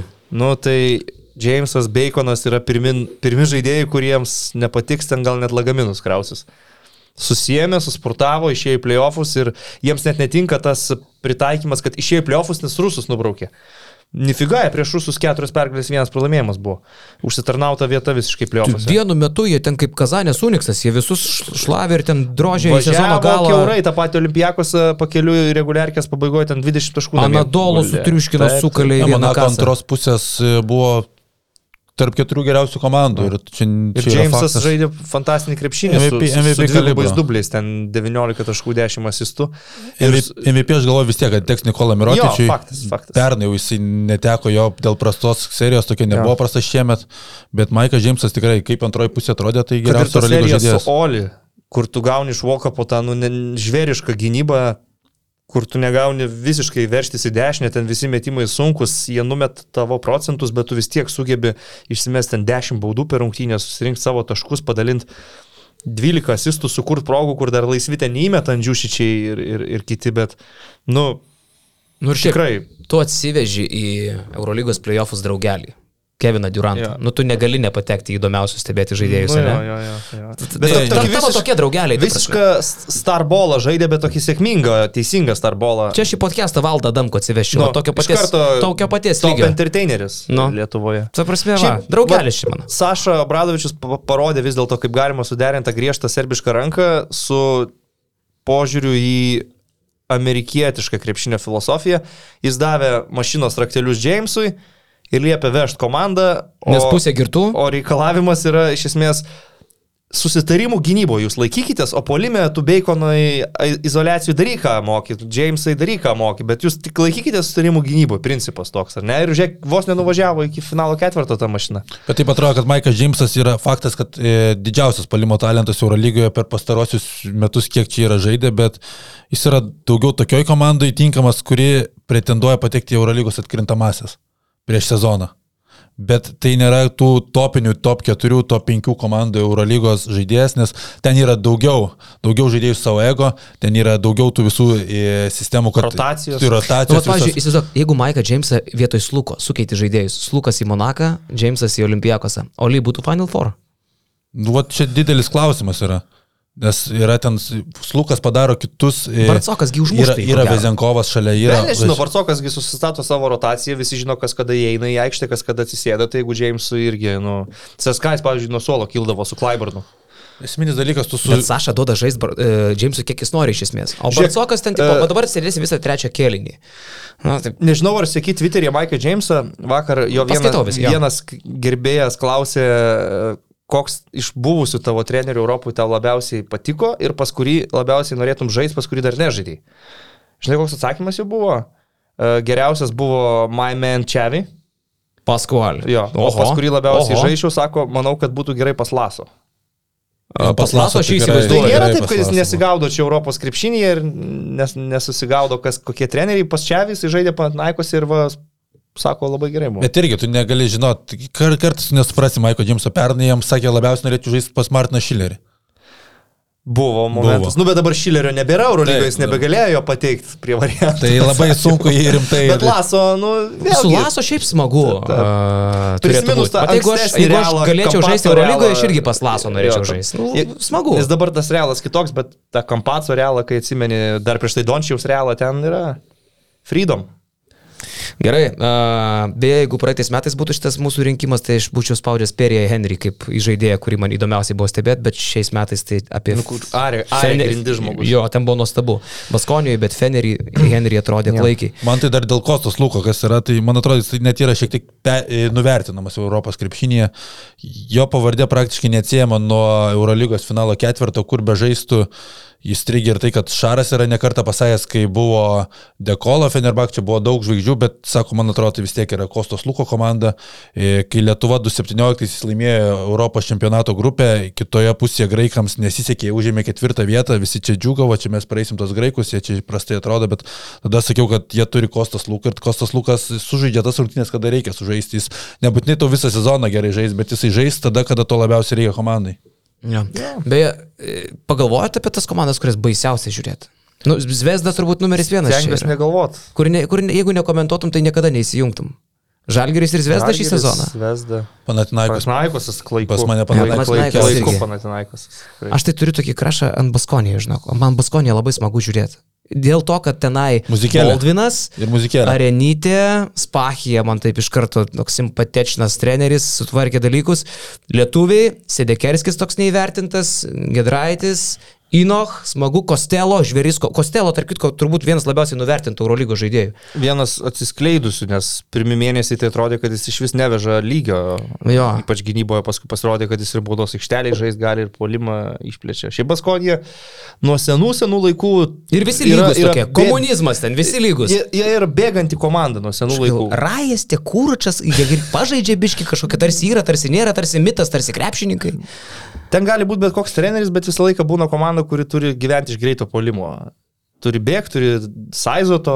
Nes ta muzikėlė spaudžia. Turi- Turi, turi- turi, turi- turi Turi, turi turėti tempo. kažkokią būtinai pusiau itališką, pusiau ten ispanišką ar argentinietišką pavardę. Fontekijo, toks kažkoks, žinai, ar Ispano nei vieno beje nėra. Načijonai, nu turi du toks vienas būti. Vat mane žavi šiaip tas irgi internacionalo faktorius, kad čia klubinis krepšinis. Mes Visada baskai- dešimt tautybių. Mes baskai, ne vieno ispano nėra, kam mums jų reikia. Bet yra lietuvis, latvis, estas, pavyzdžiui. Jo, kurie yra Bunda homegrown, uh, jau balti. homegrown playeriai, uh, nu, išauginti, tipo, skaitos pagal ACB taisyklės uh, klubo. Ir viskas, jiems ispanų nereikia, važiuoja su to, ką turi. Dešimt metų Sedekerskį Na pasirašė. nu, gerai, judam tada gal čia ties pirma pozicija labai ilgai apsistojom, mm -hmm. bet čia buvo tikrai žvaigždžių žvaigždės. Antroji pozicija, ką išsirinkot? Šeinas Įdomiausias Larkinas pas mane. Šeinas Larkinas numeris vienas man, e, kuomet jisai sužaidė tą MVP sezoną, kuris nesibaigė. Nuo to laiko man Šeinas Larkinas tapo smagiausių žaidėjų stebėti. Tas laisvumas man, Šeinas Larkinas dabar ne, nėra kažkaip toks, jisai atrodo ir kažkiek prisibijo to kontakto, kaip jisai e, buvo tam pirmam sezonė pandeminiam, tai tiesiog kosmosas, bet toliau jo duetas su Vasilija Micičium, dėl to Nadol FS ir labiausiai man smagu žiūrėti kaip komanda. Anadolų žiūriu dėl šių dviejų vyrukų, kaip ir visi turbūt, bet man Vasa į šitą poziciją pateko.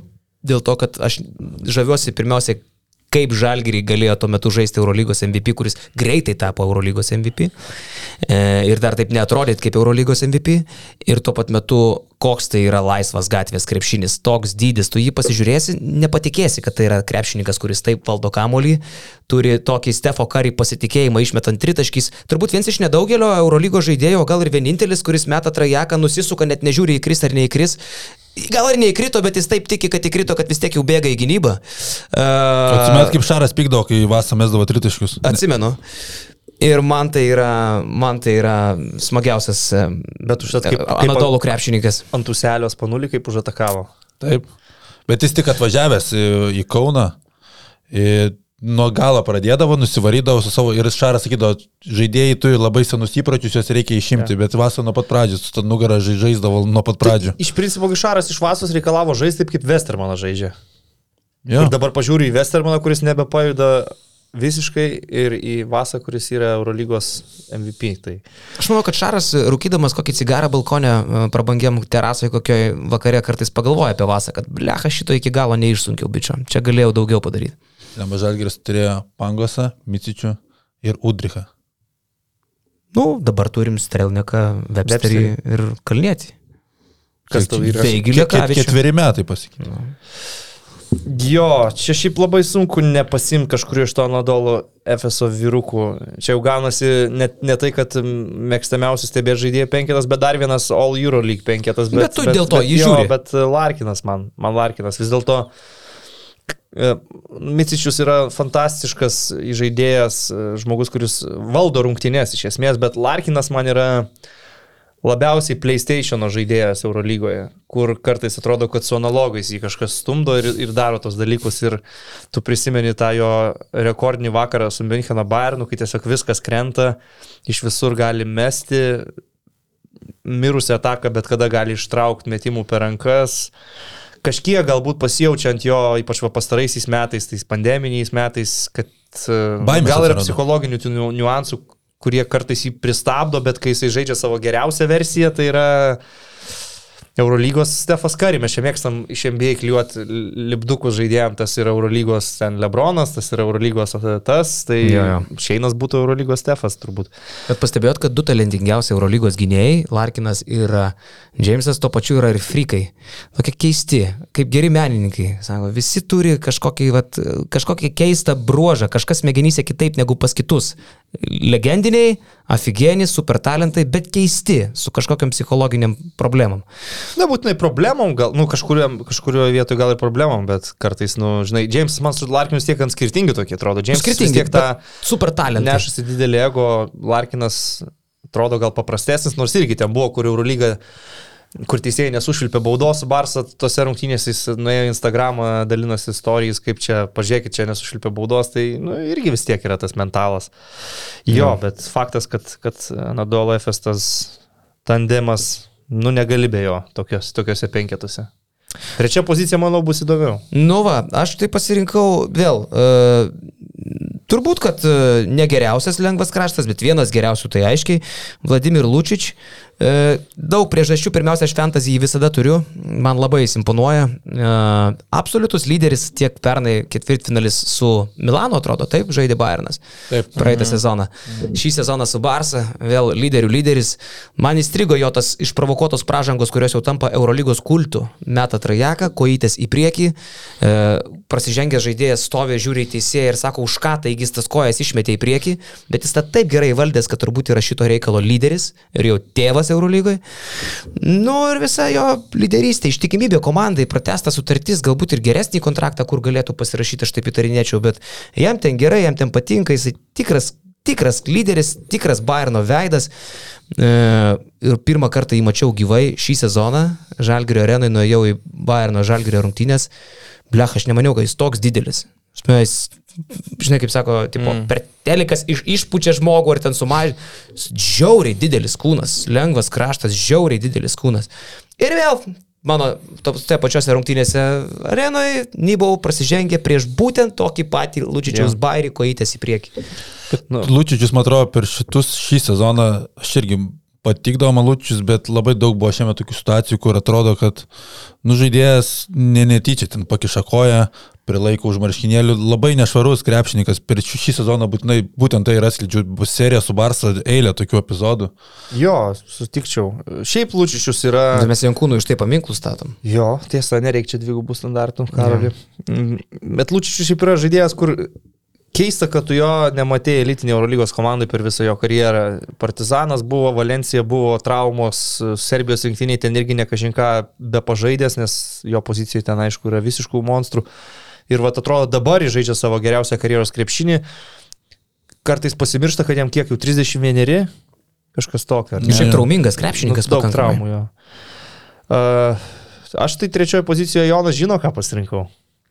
Mm, pasakyk. Čia linksmybės prasideda. Sakyk. Dvainas Beikonas, Žalgirio arenui. Blemba from, from zero to hero. Žalgirio arenui trajekėlis per pratesimą ir ant vienos kojytės šokis. Blemba, čia geras variantas. Dvainas Beikonas, super entertaineris. Bet kai mes pirmą kartą jį pamatėm, atsimeni, ką mes kalbėjome. Bet vis tiek norėjęs žiūrėti į dar ir dar. Nes, nes tu matai, kad biržas nepaiso jokių autoritetų, jam nusišyk čia Eurolyga, čia ten Olimpijakosai, Barsos, mato tunelių tiesią liniją krepšio link Asistas gali būti nebent alijų pas Donta Holui, nes kraštų net nemato ir susifokusavęs į krepšį. Bet playoffuose, nu, papo Nikolau jį žvėriškai dengia, ne, jis vis tiek izolacijai pasidaro to savo driblingėlis, prilėtina, op, op, op, stebekas, toks polo pirso, kaip aš sakau, yeah, judesiukai. Yeah. Dvainas Baconas man į tai patiko stebėti, aš taip norėčiau, kad jis liktų Eurolygoje, bet manau, kad jisai grįž į NBA. Atrodo, kad pasižinai, kaip PlayStation X yra pasito mygtuko nėra, papasuotų negali. Ir tu jau tada atlieki perdavimą, jau kai nu, vis absoliučiai trys žmonės prie tavęs jau nėra ką daryti. Bet Baconas tikrai palimo talentas didžiulis, aš sakau. E, atrodo kartais keista, bet aš labai gerai pamenu Darušafakai, kai pirmą sezoną Klaiburną žaidė. Mm. Ir atrodė irgi pasimetęs žaidėjas, ten pirmi metai Europoje, irgi nelabai to yra, kur, kur nuvesti ką kamulio, bet pamatėm, kokį padarė šio žvėrį, kai tu patenki pas gerą sistemą, pas gerą trenerį. Baconas irgi sezono pradžioje atrodė tikrai absoliutus savanaudis, bet po to jau prie Sašo Bradočius irgi pasikeitė jo tas žaidimas, tu žinodavai, kurias jis vietas geriausiai jaučiasi, jaučiasi kur nuvesdavo tą kamolį, tai tikrai. Iš, nu, esmės, iš esmės, jeigu žiūrėti kaip Eurolygos trečią numerį, žiūrėk, turi viską, gali žaisti paustę. Jeigu to reikia, prie žemesnį, pavyzdžiui, žmogų gali verštis, užbaiginėti su kontaktu, atviroje aikštėje, atletiškas, gali po driblingo išsimės metimus tiek iš vidutinio, tiek ir tritaškius. Kartais atrodo jo ta metimo technika nesubalansuota tokia ir jis nemėgsta, aš pastebėjau, mes tritaškių iš pagavimo. Jam reikia padaryti porą driblingiukų, kad išsimestų, mm. bet procentai yra jo naudai iš esmės. Skaičių kalba. Ir, ir serijoje su Olimpijakosu šiaip buvo puikus, netgi geresnis nei, nei reguliariam sezonė. Tai aš įimu Dwayne. Labiausiai Bacon. NBA Eurolygoje, sakyčiau, Dwayne'as Baconas, ne? Nu tai jeigu tu pažiūrėsim, kokią šią penketą lipdau, tai jeigu ignoruotum, kad Larkinas turi turkišką pasą, tai kol kas nėra europiečių. Yeah. Mano trečioje pozicijoje kito pasirinkimo nėra Gabrielis Dekas. Man buvo neįtikėtina, kaip mes prieš jį žaidėm 2013 metais, tuo metu atrodė, kad labai didelis žmogus ir nei trečioji, nei ketvirtoji. 2 metrai ūgis, trečių per lėtas, ketvirtų per žemas. Čia kaip orelikas. Kaip krapikas? Jo, kaip, kaip orelikas galima sakyti. Ir, ir tu matai, kad ten 2017 metais jisai žaidžia Argentinos lygoje, tai nu, taip ir galvoji, kad nieko čia iš jo daug ir nebus, nors ten jaunimo rinktinėse kosmosiniai skaičiai tarp dviejais metais vyresnių žaidėjų. Pradžioje tu pamatai 2016 metų jisai buvo olimpinės žaidynės už Argentiną, galvoju, nu gerai, čia paimtas kaip jaunas žaidėjas su priešuoja perspektyva, bet, bet nelabai kas bus. Ir kai Madrido Realas pasirašė 2017-2018, jį pasikvietė, galvoju, oho, nu įdomu, kas čia iš jo bus, bet turbūt sezonas, sezonas praeis ir viskas. Blemas, tai jeigu aš būčiau prieš jį žaidęs, man jis irgi būtų įdomiausia stebėti. Jo, tikriausiai. Tai ir tas jo pirmas sezonas tikrai realiai nebuvo kažkoks išskirtinis, bet po to, kaip ten dėjo tos žingsnius į priekį, atrodo, iš kur tu dėdi tos žingsnius, nes realiai jisai turi žiau, žiauriai didelį krepšinio įkių. Ir tas kūnas irgi dabar tapo grinai jau tokio trečio numerio, mm. gerai naudojasi savo žaidimų nugarai krepšį, toks specifinis trečias numeris, matėme, kad NBA tas netinka, nes NBA niekas tiesiog nežaidžia nugarai krepšį, dabar Eurolygais yra vienas geriausias trečias numeris. NBA netiko realiai dėl to, kad tas jos patap tritaškis yra Prastas. Prastas. Metimo technika tokios seneliumbo iš sostinės lygos. Aišku, jisai gali susimest, bet ne čia jo stiprybės. Tai aš jau kai jisai pasirašė NBA, sakiau, kad Eurolygos žaidėjas. Netiks niekaip į NBA, bet pasibandė, grįžo. Sunkus kraštai. Sunkus kraštas mano irgi iš Madrido Realo, Geršonas Jabuselė.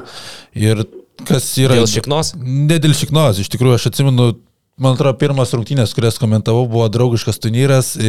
Jabuselė buvo pusę sezono sužaidęs, bet labai trumpai Eurolygoje už Asvelį ir buvo draugiškas rungtynės Asvelį ir sakau, ryčiu, kad nu, dar, apie Jabuselį niekas net nešneka. Sakau, man žiauriai, žiauriai patinka krepšinio IQ, kaip jisai mato aikštę, toks, jie atrodo, Boris Sodijavo jaunesnioji versija ir taip kaip jisai šį sezoną realiai atrodo, tai tiesiog parodo, kad tikrai tas talentas buvo, kai, kai mačiau prieš pusantrų metų, kai dar niekas nekalbėjo. Jo, negaliu ir aš nepaimti Geršonai Buselės ir tu Boris Sodijavo gerai, kad paminėjai, nes tiesą sakant, aš kaip Boriso didžiulis užpakalio gerbėjas, tai Geršonas jau bus. Tai tau ir kalnėtis turėtų favoritas. Nu, ne tame esmė, supranti, karalius. okay, okay. Čia užpakalis tik tai kaip simbolis, okay, bet okay. žaidimas, okay, okay. ką žaidėjas daro, okay. kur į jį žiūrint atrodo, jis neturėtų tų dalykų sugebėti aikštelį. Na, aišku, jie buselė su Dijau, tuo pasenusiu lygint, Dijau ten jau su kabančiais tricepsai, žinai, darė viską, jie buselė, kad ir kiek ten ploto užėmė, jau užpakalis, nu, atletas kaip reikiant raumenynas ten, uh. Bet jo žaidėjas, kuris irgi nu, dominuoja, daro viską, daužo baudos aikšteliai, pagerino tikrai pataikymą iš toli, sakyčiau, pastaruoju metu tapo tokiu labai stabiliu, nuo jo ten kažkur trauktis labai negali. Manau, kad ir prancūzijos rinktinėje jis dabar į priekį žiūrint bus vis svarbesnis ir svarbesnis žaidėjas, tai tikrai Geršonas. Man truputį gaila, kad gal Bostono Celtics jis nepritapo, aš dabar žiūriu kokių vaikinų yra Bostone ir jie gauna minučių ir žaidžia ir žaidžia neblogai. Manau, kad jie buselė dabar patobulėjęs ten visai irgi galėtų kažkur MBA lygoje. Ir bet... čia tas retesnis pavyzdys, kuomet e, tu žaidži silpnesniai komandai, atrodai geras, bet e, dažniausiai persikeliant į aukštesnį lygį, tu pražūsti bent jau pirmą sezoną. Čia buvo mm. kitas atvejis, buselė tapo dar geresnis. Aš jį manau, kad jis dar grįš MBA, tiesą sakant, karjeroje, ras, ras uh, galimybių iš jo žodžio atrodo, kad toks ir tikslas jo yra, bet realas yra geriausia organizacija Europoje pasirašyti ilgalaikę sutartį. Tai yra klubas, kuris gali žaidėjams ten ir penkių metų kontraktus duoti ir jie buselė lengva ranka prasitėsi, žinodamas, kad yra puikioj organizacijų, kur tu kiekvienais metais gali laimėti titulus. Tai... Gerai, mano, mano ketvirtas numeris bus labai keistas, lyginant su jūsų jebuselė. Rubitas. Aš pasirinkau žmogų, kur, dėl to, kad aš tiesiog negaliu patikėti, kad jis žaidžia Barcelonoje ir žaidžia po 15 minučių. Aš kiekvieną kartą, kai žiūriu rungtynės ir išeina jis į aikštelę, aš galvoju, nu tu pasirašytum su Žalgiriu. Šmitas. Aš nebūčiau labai patenkintas, bet tu žaidži čia ir tave išnaudoji, tu komandiniuose veiksmuose dar normaliai atrodai. Roland Schmitz yra mano vienas įdomiausių stebėti žmonių. Pirmiausiai Latvis, Latvių labai mažai Eurolygoje, be Kūručio, Strelnieko, Tymos, jau amžinatilsi e, turim dar. Nu, iš tų pavardžių, kurias varnės, kad, sakyčiau, kad tų Latvių per daug net Eurolygoje. Nu gerai, Tymos nebėra, Kūručas nežaidžia, Strelnikas nebemoka, tai realiai lieka tik tai Šmitas, bet jisai žaidžia visai nemažai ir, ir aš galvoju, ką tu veiki Barcelonai šiaip, to, tokio dydžio komandai, e, kuri, gali, kuri turi belie kiek pinigų, gali nusipirkti bet kokį backupą tiek e, Mirotičiui, tiek Heisui, ten yra Roland Schmitz. Man atrodo, Roland Schmitz yra pliusas, kad jis yra skaitos kaip Ispanijos ACB lyginis, kadangi Ispanijoje užaugo, anksti išvežė, yra Latvijos agentas, taip, kuris bendradarbiavo, tai jis ten kaip vietinis žaidėjas. Jis Barcelonos Edekerskis, kaip Baskonį. Į Fon Labradais išvažiavo 12-5 metai, tai e, va čia viena iš priežasčių, nes iš esmės ką, tau reikia žaidėjo, kuris yra Mirotičiaus backupas. Taip. Ir tau vat, būtent šitą poziciją užsipildyti uh, žaidėjų, kurie, kurie, kuris turi vietinio statusą ir ACB lygoje, neužims legionieriaus, yra tiesiog ideali situacija. Ir Šmitas šiaip pernai jis iš vis buvo puikus. Ten Mirotičius buvo traumuotas vienu metu, Šmitas žaidė iš vis fantastiškai šį Tai va, aš sezoną. pernai iškėliau savo pirmą kartą klausimą, kas tu toks? Rolandui Šmitui, iš kur tu esi? Nu, šį sezoną jo Kas tavo mama galų galė? Trūkumas. Kas tu? Nes tikrai, pir, praeitais metais tai man būdavo, wow, Roland Schmitz, Latvija, Dievs vės į Latviją, iš kur tu? Uh, šį sezoną vėl žiūriu ir galvoju, nu, zet, geras, kas čia per Barcelonos žaidėjas? Šį sezoną jo trūkumas tai, kad uh, pakrito labai tritaškių taiklumas, nes šiaip polimo išplečiantis į net į penktą poziciją atstato, kai yra, kai yra traumų. Tai šį sezoną tritaškių taiklumas pa, pakrito, bet man kuo jisai įspūdingas, tai atletiškumų savo, kokių įdėjimų yra čia per šitos metus. Jis šiek tiek Padaręs. ir išvaizdą ir žaidimų Aroną Vaitą primena. Šiek tiek. Mm. Kova dėl kamolių turi šiokį tokį trajekėlį, uh, ganas tvirtas kūnas, mm. uh, panaši faktūra labai. Nežinau, šiaip kietas vyras ir jeigu, tarkim, Barsai paleidinėtų, tai aš nebijoju, kitas Ispanijos Eurolyginis klubas, ten Valencija, Baskonija, jį pasimtų, už, už, turi tą statusą vietinio Eurolygo jau patikrintas, tai ir tokioje Valencijoje, tarkim, ateinančio grįžtančio Eurolygą galėtum jam ir didesnę rolę duoti. Jeigu ten Louis Labery būna pagrindinių ketvirtų, tai Šmitas bent jau polimo talentų, galų gale ir kietas, tai Roland Schmitz į žalgerį, tu sutinki? Mm, nebūtinai, nu tai čia vis tiek būtų legionierius, kalbėtumėm, žiūrint už kokius pinigus. Dupiam. Mm, paieškočiau kažko įdomesnio. tai va būtent. Už du PM vietoj Kevanau? Uh, Bet tai ar jis labai geresnis už Kevanų? Nu, klausimas. Aš nemanau, kad jis geresnis. už Kevanau turi tą specifinį, kad jis tau gali tikrai duoti gerą metimą. Nu, tai Kevanų, jeigu turėtų Ispanijos vietinio žaidėjo statusą, irgi žaistų kažkuriam iš, iš Eurolyginių Man klubų. nepatinka. jis. Nepatinka? Nepatinka. Man tai patiko, bet kai... mes negalime būti abejingi Rolandui Šmitui, čia yra svarbu. Aš, aš nesu jam abejingas dėl to, kad aš skaičiau, atsimenu, pernykštį Berots Urbano Donsės interviu su juo. Ir Šmitas ten pasako, kad nu, jis labai mėgsta laisvalaikiu grįžęs į Latviją, Meškerytę, prie ežero žvejybą. Tai va tokius žmonės aš labai respektinu. Mano irgi čia yra vasaros pomėgis numeris vienas, tai vien už tai aš Rolandą Tai Šmitą tu, gerbiu. Rolandas Šmitas ir Valdemaras Homičius turit kažką tai bendro. Gera kompanija būtų. Gal ir nieko, ką aš žinau. Tai manau, kad daugiau yra žmonių mėgstančių kad- meškeryti užmest vasarą. Bet žinai, Meškerytę užmest. Vienišą žvejybą. Aš- užmeti ir sėdi. Jo, va, turiu omeny ramę. cik. Čia ne ta, kur... nes kiti ne, ten čia ne ta Janio Timos kasmetinė žvejyba. Ne, nu kiti mėgsta išplaukti į Norvegiją. Kur nuperka be važiuojant namo. Kur meškerės taip iš mašinos ir neįsitraukiai. Jo, jo. Sakau, man nepatinka ten, kur žvejot Norvegijoje didžiulė žuvis plačiose vandenyse. Ramiai, va, prie latviško žeriuko miške. Pasaka. Gerai, ką, centras, centriukai? centras. Centras, man lengvas labai irgi sprendimas buvo Mr. Kyle Hines. Nu, tu jo fanas senas geras. Mm, Pas mane amerikietiška komanda, tai ir centras turi būti atitinkamas. Jokių man čia 220 falų nereik. Kailas Heinzas visiškai pelnyti, mano manimu, išrinktas vėl šiais metais geriausiai besiginančių Eurolygo žaidėjų. Jau Ketvirtą kartą turbūt ne. Trečią ar ketvirtą? Trečią. neatsimenu, Trečią. Tai Eurolygos legenda. Mm, Vienas, sakyčiau, tokių amerikiečių žaidėjų balsų Europoje, kurį visi girdėjo, visi klauso, jis turi podcastą, jis kviečia svečius, ten net Mareka Blaževičių kalbinasi, e, labai socialiai matosi aktyvus, turi visus lyderio įgūdžius ir bet koks treneris norėtų Kailą Heinzą turėti savo komandai. Tai yra žmogus, kuris visą širdį aikštėje palieka, Mhm. kuris gynyboje gali absoliučiai visus dalykus daryti, ko tik tai reikia komandai. O polime jisai nereikalauja kamulio. Susirinks, kas išeis iš pick and rollo, iš antrų šansų, turės ten 8 taškų vidurkį, jis nesuka savo galvos ten dėl skaičių. Jis šį sezoną, man atrodo, pirmą karjeros trajeką pataikė Eurolygoje. Man atrodo, kad pernai prieš Barsą pirmą pataikė, šiandien šį sezoną dar dadėjo. Ne? Kiek aš pamenu. Man komentavau- Aikosas aš- iškrito iš rankų, kai tas įvarė trajeką. Tai, nu, man jis yra monstrų monstras ir šiaip revoliuci, revoliucinis žaidėjas Eurolygoje. Seniesiems Eurolygos treneriams ten grįžk į praeitį 2003 pasakyk metro 98 bičą centrų statysim. Ten pasirašinėtų Kailą Heinzą, galvotų, kaip čia į trečiojo poziciją išnaudot be metimo. Atrodo, prirašytas dar Heinz ūgis. Jis Stovėjo draugas, jis metro 97, tai, Tai sakai, čia Heinzas. sakai 193 kokie. ne? 196, 195 kažkas. Ne, čia absurdas Ne, bet tai, kaip, kaip jisai į tą žemę įsikala kojom ir tu daryk su juo, ką nori. Ir apie kokią čia karjeros pabaigą galima kalbėti. Jis vis dar tiek pat geras, kiek ten čempioniškose CSK ir olimpijakose metuose. Tai jis čia dar tris metus su tuo kūnu turi, turi žais. Nu, čia tavo sentimentai, tavo vaikystės meilė. Aš Ne, tai ne žinau, tai, kad sentimentai, nu jis dabar yra. Nu, aš monstras. suprantu, bet ta, viena iš priežasčių, dėl ko tau jį įdomu stebėti, nes tu jau jį nuo seniai myli. Kita priežastis, kad aš propaguoju šio laikinį krepšinį, pas mane centras turi keistis ginamais. Aš apie suderinamumą labai daug negalvojau čia, aš taip, kad man įdomu stebėti, tai aš turiu netikėtą variantą Kristas Kumadžė man.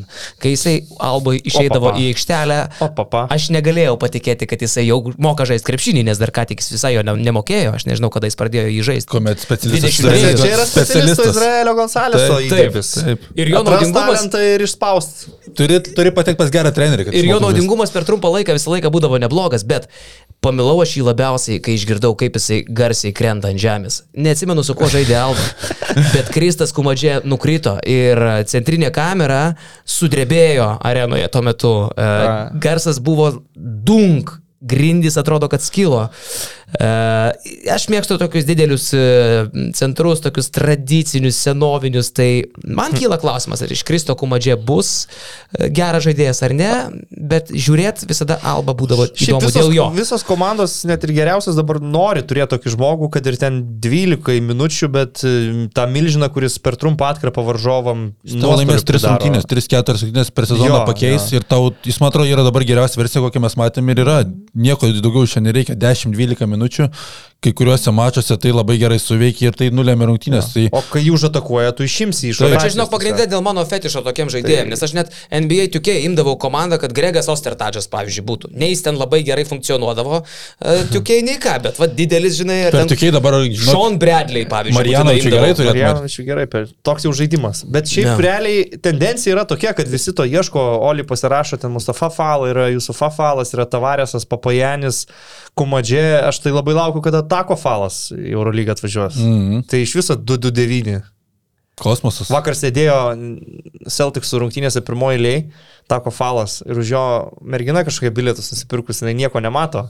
Tai Celticsų personalas jai tris tokias pagalvėlės atnešė pasidėti. Dievuliau, bet čia lygis. Kad pakiltų ir matytų aikštę. Gerai. Nes įsivaizduok, tu nusipirkai bilietus į kažį ir prieš tave 2-30 bišas sėdi. Nieko nematai. Jo, jo, tai mes kažkada kalbėjome apie Lauriną Birutę, ar čia jisai viskas tokie centrai nueinantis, tai Žalgiris tokio vidurio palėjo neturi tradicinio, kad būtų trečias vidurio palėjas, tai aš realiai matyčiau Lauriną Birutį trečių centrų Žalgirėje. Kaip tokį žaidėją, kaip va, turi Kumadžiai, Rafalai, tokių reikia tiesiog Eurolyga, dabar matome, kad jie vis tiek dar gali būti naudingi to, tomis atkarpomis. Nu, tai kas yra, tavo? yra dar šitas gi mūsų paukštė.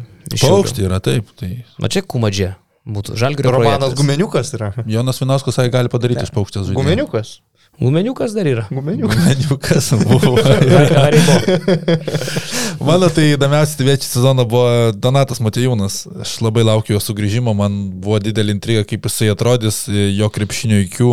Dar kartą buvo galima įstikinti, tas jo pirmas perdavimas, aikštelės matymas, judesių arsenalas turbūt Eurolygoje yra vienas didžiausių iš vidurio palėjų. Tai aš sakyčiau, kad techniškiausias centras Eurolygoje. Yra Brendanas Deivisas dar. Tai, tai Okay. kita pati lentyna, bet realiai, e, jeigu klaustų, ar aš norėčiau labai Donatą Matijūną matyti Žalgiryje, tai turbūt, kad ne, bet tai turbūt vis tiek būtų man didesnis džiaugsmas, negu aš apsidžiaugiu pamatęs, kad Lavernas atvyksta, tai yra panašaus stiliaus žaidėjai, bet visų pirma, Matijūnas yra lietuvis, visų kita vis tiek, manau, Matijūnas yra aukštesnio krepšinio įkių žaidėjas. Bėda tik su jo baudų Aš metimais. nesuprantu, Tragiški kodėl. baudų Aš metimai. nesuprantu, kodėl ten tie 44 procentai. Čia yra, čia yra labai didelė Achilo kulnas taip dabar. tapę. bet taigi taip nebuvo. Senais laikais, kai ten žaisdavo Bet jo metimas net pasikeitė, jisai turėdavo tokį mm. minkštesnį, atrodo, metimą, dabar tokia strelytė. Čia dėl to, kad muskulų daug atsirado, ar, ar kas Gal keitė? nugaros tos visos problemos. Ne, čia, čia psichologija, čia tu nieko Ne, daugiau metimas tai nepasakys. tikrai ne dėl psichologijos pasikeitė. Bet tai blemba. Ne, tai, bet tu tas ta- pat, tu tritaškį pataiko, jisai 33 procentai.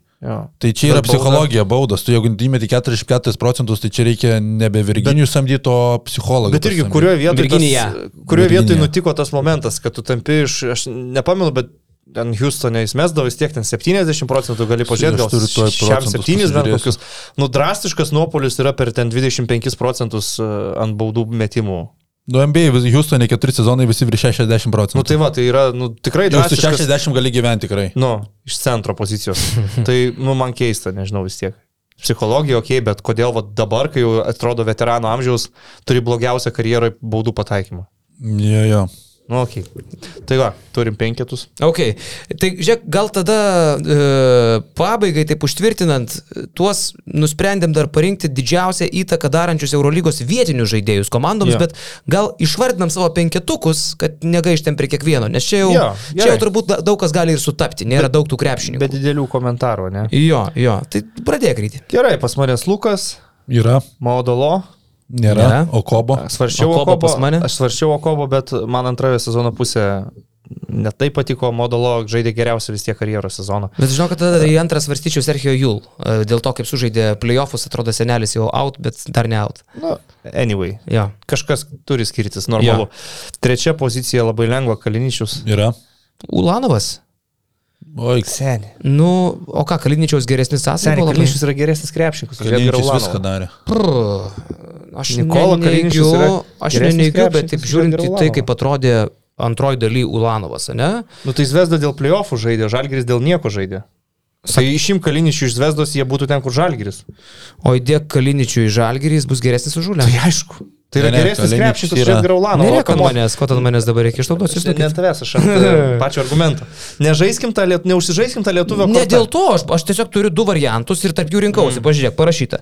Edgaras Ulanovas, Nikola Kaliničius. Okay, tai tu man uždavai klausimą, aš atsakiau, kaip man. Jo, atrodo. bet tai kaip Ulanovas dirbo žalgiriukė nusivažiavusiam, aišku, nusivažiavusiam dėl nieko nekovojančiam, bet jau po truputį pradedančiam laimėti, kai nugalėtas buvo Realas, Barcelona. Ta, sakykime, pati pabaiga žalgirio buvo pusė velnio, ten jau kažką pradėjo klibinkščiuota komandėlė. Ten Ūlė, tame žalgirį, drožė labai gerai. Ir aš, kai jį mačiau ten, jos tasai vis dar geresni nei Kaliničiaus, aišku, Kaliničių žaidė labiau, Ar jos tasai geresni už aš Kaliničių? manyčiau, kad tai. Nu, antros Jo, dalies. turi kompą. Važiuok staigi. Kaliničius e, 12,5 taško, 12 naudingumas. Tai bus panašiai. Asistų turbūt. dar ten kokius keturis duodavo. Asistų po 3,5. Tai labai daug. Tai be 12 naudingumas e, visą sezoną. Tai Ulės bus kokia 11 turbūt naudingumas. Bet paėmus antrą dalį, Nu nežinau, seniai, aš sakau, aš einu su geresniu žaidėju iš komandos, kuri pretendavo į playoffus. Tai apskritai tai yra žaidėjas, kurio elitiniai Eurolygos klubai norėjo, bet jisai grįžo į... čia aš primenu, kaip mes pavadinom, rinksim didžiausią įtaką žaidimui Nu, dariusius tai tai vietinius tai Eurolygos komandų žaidėjus. Zvezdos, Zvezda bus su Žalgiriu dugne Eurolygos. Ulės 8.11 F. Ai, nu tai panaš, panašus. Na nu, gerai, situacija, tada jo. aš tiesiu ketvirtą poziciją Nikola Melį. Yra. Ir Turiu, Papajanis. Turiu. Papajanis be abejo. Papajanis. Ir Papajanis. Papajaniui turbūt vienintelis Ogenas Kuzmičius dar galėtų būti ten kažkoks tai Bet varžovas. ant skaičių į vieną kasą irgi deda. Visiškai, tai visiškai. nėra ką- ką. Dėl Kaliničiaus gal ir įtikinai, žinok. O sakau, rinkausi tarp dviejų, kažkaip pamiršau, kad Zvezda dar normaliai atrodė. Aš tiek nekenčiu Zvezdos, tiek nekenčiu Ne, tai tas jų krepšinis ne, nežiūrėtinas, aš sutinku, bet jie gaudė playoffus realiai, kai rusų komandas pašalino. Tai... Bet šiaip, kai šitą rinkot, atkreipė dėmesį, ant kiek vis dėlto nieko vietiniai žaidėjai Eurolygoje nesprendžia. Nieko, nei vienoje komandai. Bus Lukas sprendžia. Tai Lukas dėl to pas visus ir yra čia be klausimų. Uh, Beje, žaidėjų daugiausiai Tai- tai vietinių. yra komandų, kurios Lukas net- Maodolo, Darokobo gali prie jo, žaidėjo. Julas Lekavičius, nu, tipo, vietiniai sprendžiantys. Tai matai, yra klubų, kuriems nereiktų vietinių žaidėjų. Ten Anadolo FS, Baugrahanas, Tunčeras per sezoną 6 taškus pelno ir tiek žinių, nu, arba ta pati Vabaskonija. Čia reikia pažymėti, kad nedėjom e, tų Mirotičius tada dėtume ketvirtą. jo. jo. Nu ir ką, paskutinė turbūt greitai apsitarėm pusfinalį laukia. Rytis Jo. nekalbės lietuviškai. Jo. Tai čia gal. Blema prieš sezoną mano prognozija buvo, kad jeigu Realas išeis į finalo ketvirtą, tai tie veteranai vienų rungtynių formate suras būdų laimėti. Dabar aš jau tikrai argumentų pakeisiu savo prognozę dėl to, kaip Realas atrodė iki playoffų su Makabiu, dėl to, kad Realas L klasikoje yra prapylęs gal aštuonis iš eilės ar kiek ten jų. Dabar penkis. Penkis jo, ne, prieš tai tą super taurę mhm. buvo pasiemę prieš sezoną. Bet, bet e, reikia turbūt likti su savo iš ankstiniam prognozėm ir, ir važiuoti ant to. Vienose rungtynėse viskas gali nutikti. Serijoje iki trijų pergalių aš tikrai eičiau su Barsa. Vienose rungtynėse visi variantai yra įmanomi. Mm, Vėlgi Laso prieš Barsą bando tos labai didelius penketus ir bando padaryti tokį sunkų krepšinį, kas ko dėl rei finalėjams beveik pavyko. Jie gana arti buvo, bet vis dėlto ir Jokubaitis truktelėjo ir Miro pataikė, kai reikėjo. Tai aš gal ir prieš logiką, bet lieku prie to, kad kažkada turi baigtis ta Barsos pergalių serija L klasikos ir Madrido Realas, manau, kad po 3-0 su Makabiu tikrai atsigavo iš visų savo duobių, kurios buvo prieš tai. Irgi komanda veteraniška, kuri žino, kada reikia geriausios formos ir geriausio krepšinio, nesureikšma ten reguliariam bus į ketvirtas ar ten į penktą netgi nukrisi, jiems tokie dalykai nėra svarbus. O kitame pusfinalyje, nu labai bus įdomu, skirtingi krepšiniai, skirtingos komandos. Norisi man ir vis tiek eiti su Anadolu Efesu. Man atrodo, kad Atamanas turės progą finale ginti titulo. Olimpijakos palieka įspūdį šį sezoną. Tomas Vokapas gali Micičių ar tai Larkina gerokai prigesinti su savo įspūdinga gynyba. Yra ir kitų puikių gynybos specialistų komandai. Bet mes matėm, kad vis dėlto Monakas, kuris yra tokia mažesnė FSO versija, Olimpijakos darė didžiulių problemų. Tai čia bus, bus įdomu. Bus įdomu žiūrėti, kaip Falas įsikeičia prieš, tarkim, Larkiną prie tritaškio. Tikrai manau, kad tokių situacijų pamatysim. Laukia geras pusfinalis. Labiau netgi laukiu iš to pusfinalio nei L klasiko. Tai mano tokios trumpos išvalgos. Man atrodo, olimpijakos pranašumas bus tas, kad realiai jie kaip namuose jausis. Jo, 50 fanai, procentų fanų ir serbai irgi palaikys e, olimpijakos be abejo. Šiaip e, mano irgi prognozija būtų, kad e, aš tikiu, kad Anadolu pateks į finalą, bet Atamano žodžiai skamba užtikrinčiau negu yra pats Anadolo FS žaidimas. Pernai jie skrai- skraidė atkrintamosiose, taip, ten sufeilino pabaigose su Realu Madride, vos išsikapstė, bet tas žaidimas jų žymiai buvo laisvesnis negu pernai buvo žymiai daugiau pagalbos e, Larkinui ir Micičiui, tuomet buvo e, Simonas su Bobuo, nebuvo taip kamuojami traumų, dabar neaišku, kokia jų bus e, būklė, nežaidė atkrintamosiose praktiškai. Moermanas, Singletonas, visi atrodo metais pasenę, tas pats su Andersonu, taip, Tiboras Plaisas užpildo tas ir šanly vietą, čia viskas ok, bet pernai Anadolo FS buvo įtikinamesni, bet sakau, Erginas Otamanas daž- pastaraisiais metais ką pasako, dažniausiai taip ir būna, tai aš nematau prasmės, kodėl šį kartą galėjo labai Jiem netikėti. svarbiausia įsikrapštyti kito ketverto, vienaip ar kitaip, kaž, kažkokiu būdu, nesvarbu kaip žaisi. E, Aš irgi visiškai sutinku, kad tai yra komanda, kuri atrodo pasenus ir jau reikalaujanti permainų ir aš nebejoju, kad tų permainų daug bus vasarą pas juos sudėtyje, bet dabar jie turi šansą. Tai reikia, reikia laimėti dvi krepšinio rungtynės komandai, kuri turi more, ir two Larkiną. more. Jo, two more. E, Visokių ten matšapų bus įdomių, falas prieš plaisą, kad ir, sakykime, paėmus, bet e, viskas vis tiek priklauso nuo tų dviejų vaikinų, kalbant apie FSO sėkmę. Jo, apie L klasiką paminėjai, tai aš irgi galvoju, kad sezone šešis kartus iš eilės laimėti prieš tokį klubą kaip Madrido Realas. Na, jeigu Barsai pavyks tai padaryti pusnulį, tai čia bus kosminis Kiek ten pasiekimas. ir- gerulaitį įveikė? E, 17, ne? 17? Kažkas, kažkas tokio. Ar, 18. šeši- ar ne, man atrodo, niekas 17 kartų nenugalės. No. Yra ta Šiaip frazė. turbūt visi sutiksim, kad e, lygios komandos tiek vienam, tiek kitam pusfinalyje. norėjau Na, sakyt, iš kad esmės. realiai- 50-50, mes čia galim kalbėti, ką norim, bet nei vienas rezultatas nebūtų šokiruojantis. Aš gal labiau galiu pasakyti, kas, ką aš palaikysiu. Tai No. akivaizdu, kad palaikysiu Barceloną, nes mūsų lietuviška komandėlė, kylantis staras rokas, yra viskas aišku, norisi. Aš šiaip prognozavau, kad laimė Šaras Eurolygą, aš noriu, kad tai ir atsitiktų ir palaikysiu Barsą. Labai realo pergalė mane nuliūdintų, bet manęs nenuliūdintų nei Oli, nei a, Atamano, a, Anadolų pralaimėjimas kitame pusfinalyje. Nes jeigu laimė Oli, tai Barcokas yra dievų dievas, pačią neįtikinamiausią sudėti prieš sezoną. Subūręs, na, atrodė, kad tai yra neblogai sukomplektuota, bet, nu, tikrai ne antra komanda. Jis veda į finalą, tai aš labai džiaugčiausi.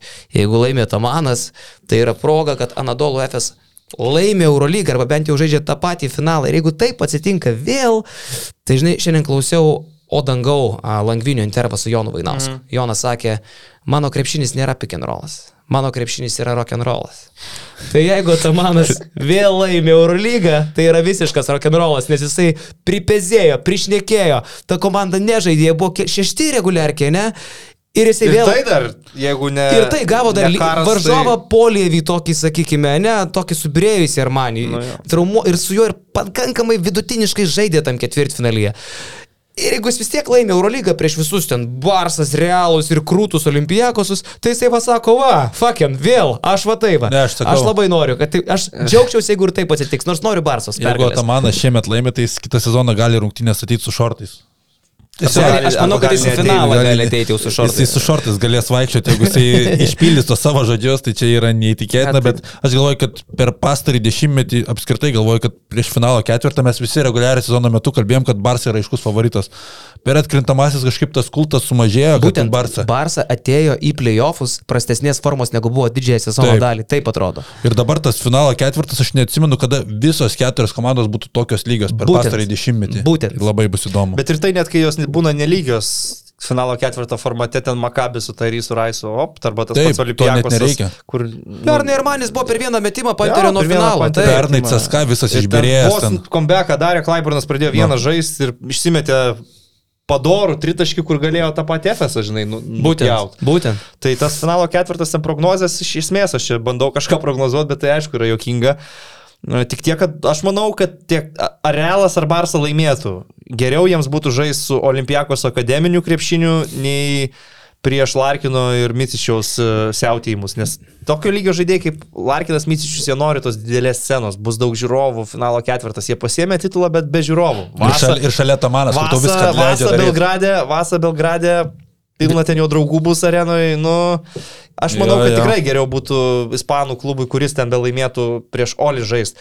Labiau skaitoma, vadinkim, komanda nuspėjama, daugiau bus tokio pragmatiško krepšinio, jeigu tu sai žaisi, ar ne? Nu, nesakau, kad būtinai laimės, nes vis tiek bus Lukas Vezenkovas, aukščiausio lygio meistrai, bet, nu, aš taip pat įsivaizduoju. Kita vertus, sakau, irgi ir Barso olimpijakos ir jūs, finale tai būtų e, PM7, PM4. A ne? Variantas, kita vertus, Barça blema, kai užsikūrė Lapro šį sezoną, gali padaryti šou, tai visai ten būna su jais. Šaras, aišku, norėtų, kad jie būtų gynybos reitingo pirma komanda, bet yra polimo reitingo pirma komanda realiai šį Jo. sezoną. Mm, Tai, mhm. nu, lauksim, žiūrėsim. Aš manau, kad vis tiek visos keturios komandos praėjo savus tokius sunkumus sezono metu. Gal Barsos tie sunkumai atrodo mažesni, bet vis tiek ten Higginsas iškrito, integravai egzumą, traumos dar kitus išpjovė, su Bairinu iš oro gavos penkių rungtynių seriją, kur po dviejų kelnių namie dar lemiamuose minus šeši. Tada FSS niekaip neužsikūrė, niekaip nepradeda žaisti, atrodo, kas čia su jais darosi, tu ne apie ketvirtą kalbėjai, ar jie į top 8 iš viso įkris. Realas neblogai startuoja, pradeda, bet po to momento, kai prapiso kopą dėl rei, viskas tik žemyn, ten Tomkinso Ertelio nesąmonės, pralaimi Manresom, Tenerifem, Eurolygo irgi visiems iš Jau eilės. apie Laso E, karjeros e, pabaigą pradėta kalbėti buvo. No, ir jis no. dabar Realas laimė Eurolygą, kur jau mes Yes. kalbėjom, kad čia komanda, blemba, taip jau čia ketvirtą, penktą komandėlę, žinai. Ja. Žinai, paradoksas man yra tame, kad Realų Eurolyga lengviau laimėti nei Ispanijos čempionatą. Tau reikia vieną kartą laimėti prieš Barsą. Ispanijos čempionatą reiks tris kartus laimėti prieš Barsą. Daug ką pasako ir apie Ispanijos čempionatą, ne? Faktas. O e, baigiant tada Oli, nu irgi su savom problemom išėjo į seriją su Monaku kaip favoritai, bet tas Monakas ten juos taip tampė, e, lemiamos rungtynės namie, toje atmosferoje beprotiškai ir kažkurio metu ten minus 11 stovi. Ir reikia gelbėtis, vyrai, degam, barcoko tie dantis tik griežiasi. Nu, nu, Susisukę. nebuvo viskas čia taip rožėmis klota. Tai visos keturios komandos taip per, per, per prakaitą į, į Final Four. Tai vis galvoju, jeigu tie fanai būtų suplūdę visi, visa arena į aikštelę, kai Barcokas ten visus Jo. pa, jo, eikit iš čia, eikit. Jeigu visi būtų suplūdę ir būtų Oli gavę techninį pralaimėjimą ir Monakas Eurolygos finalo ketvirtį. Kažkaip būtų skaudoka. Nors aš už Monakas ir galvoju, aišku, už Ir, Maiką. ir, ir už Barcokas jau paskelbė, kad techninis pralaimėjimas jau čia būtų paskutinis. žinai, graina, tai viskas. Klausyk, žinau, kad tau reikia lėkti, aš užtvirtinimui, kadangi vis tiek lietuviškam čia pas jūs retai būna apie Eurolygą, e, norėjau atkreipti dar dėmesį į seriją Vatrelo su Makabiu, prieš kurią buvo irgi pakurta visokio hypo, Makabis grįžti į playoffus, atmosfera kosminė bus realas neformoj, čia 3-2 kažkas tai. Pamatėm, kad vis dėlto eksperimentas bandyti Eurolygos seriją be trenerio laimėti. ne, nėra, nėra, nėra, nėra sėkmės formulė. O gaila. 3-0, visas 3 rungtynės realiai vienodos. Gali pažiūrėti Kaip ir, Ma- kaip ir Makabio komanda, vienoda jau 10 metų. Tu gali turbūt. vieną serijos mačą pažiūrėti iš tų trijų ir tu būsi realiai visus tris matęs. Trys vienodos rungtynės tiesiog. Bet šiaip pagal Makabio komplektaciją e, eilę metų sprendžiant, tai jie turėtų dabar pasimti Nybo, aš taip sakyčiau. At, e, čia Makabio prikinukas toks būtų dar vienas, žinai. E, tada dar kokį nors, vat, e, koks čia šoklus amerikonas, tokį, vat, Donta? Hallą. Donta nu, čia per daug centrų, jau žyžičius gilieka. Tai, matai, per mažai ten šoklumo. bus. Kalbėk, kalb, kalbėkime apie sprokstančius gynėjus dar. Jo, jo, jo. Ir, ir kiek... Beikonas kaip ten tiktų. Eiktų savo, jo. Bet Beikonas. man patinka štai, kadangi O amerikiečiai... Baconas labai, labai. Kadangi- Jakobo Tara, gal, ne, per daug Ne, europietiškas. ne, Taip, ne. Ne, ne, ne, ne, amerikiečių. Aš kadangi amerikietiško krepšinio mylėtojas, tai man jie patinka iš tikrųjų, bet jeigu jie prisivilios čia į paskvalį, čia kaip yra skelbiama, tai manau, ten visiškai reformuos tą komandą. E, Manau, kad taip. Baconas į Makabį čia, man atrodo, jau realiai net pasirašytas sutartis yra. Galim, galim skelbti. Nebuvo šiaip bloga ta jų tokia sudėtis ir tas jų žaidimas, tiesiog, nu, tu be trenerio eini į playoffs. Makabės, žinai, gal labai užsihypino ant žalgerio per nykščio pavyzdžiui, vos į pliofus nepateko. Nu, jo. Gilios sudėties, žinai, nebuvo, ten šeši žaidėjai kaip ir ok, bet tada pakyla ten Sorkinas, Dibartolomeu ir dar kažkas tai gauni 0-3. Jo. Gerai, viskas, Karolį, tu skubi, reikia tave paleisti. Važiuojam? Važiuojam, važiuojam. Manau, kad viską, ką norėjom, šiandien ir pakalbėjom. Mėla malonu ryti. Jo. Maladėts, ačiū vyrai. Ačiū. Ja.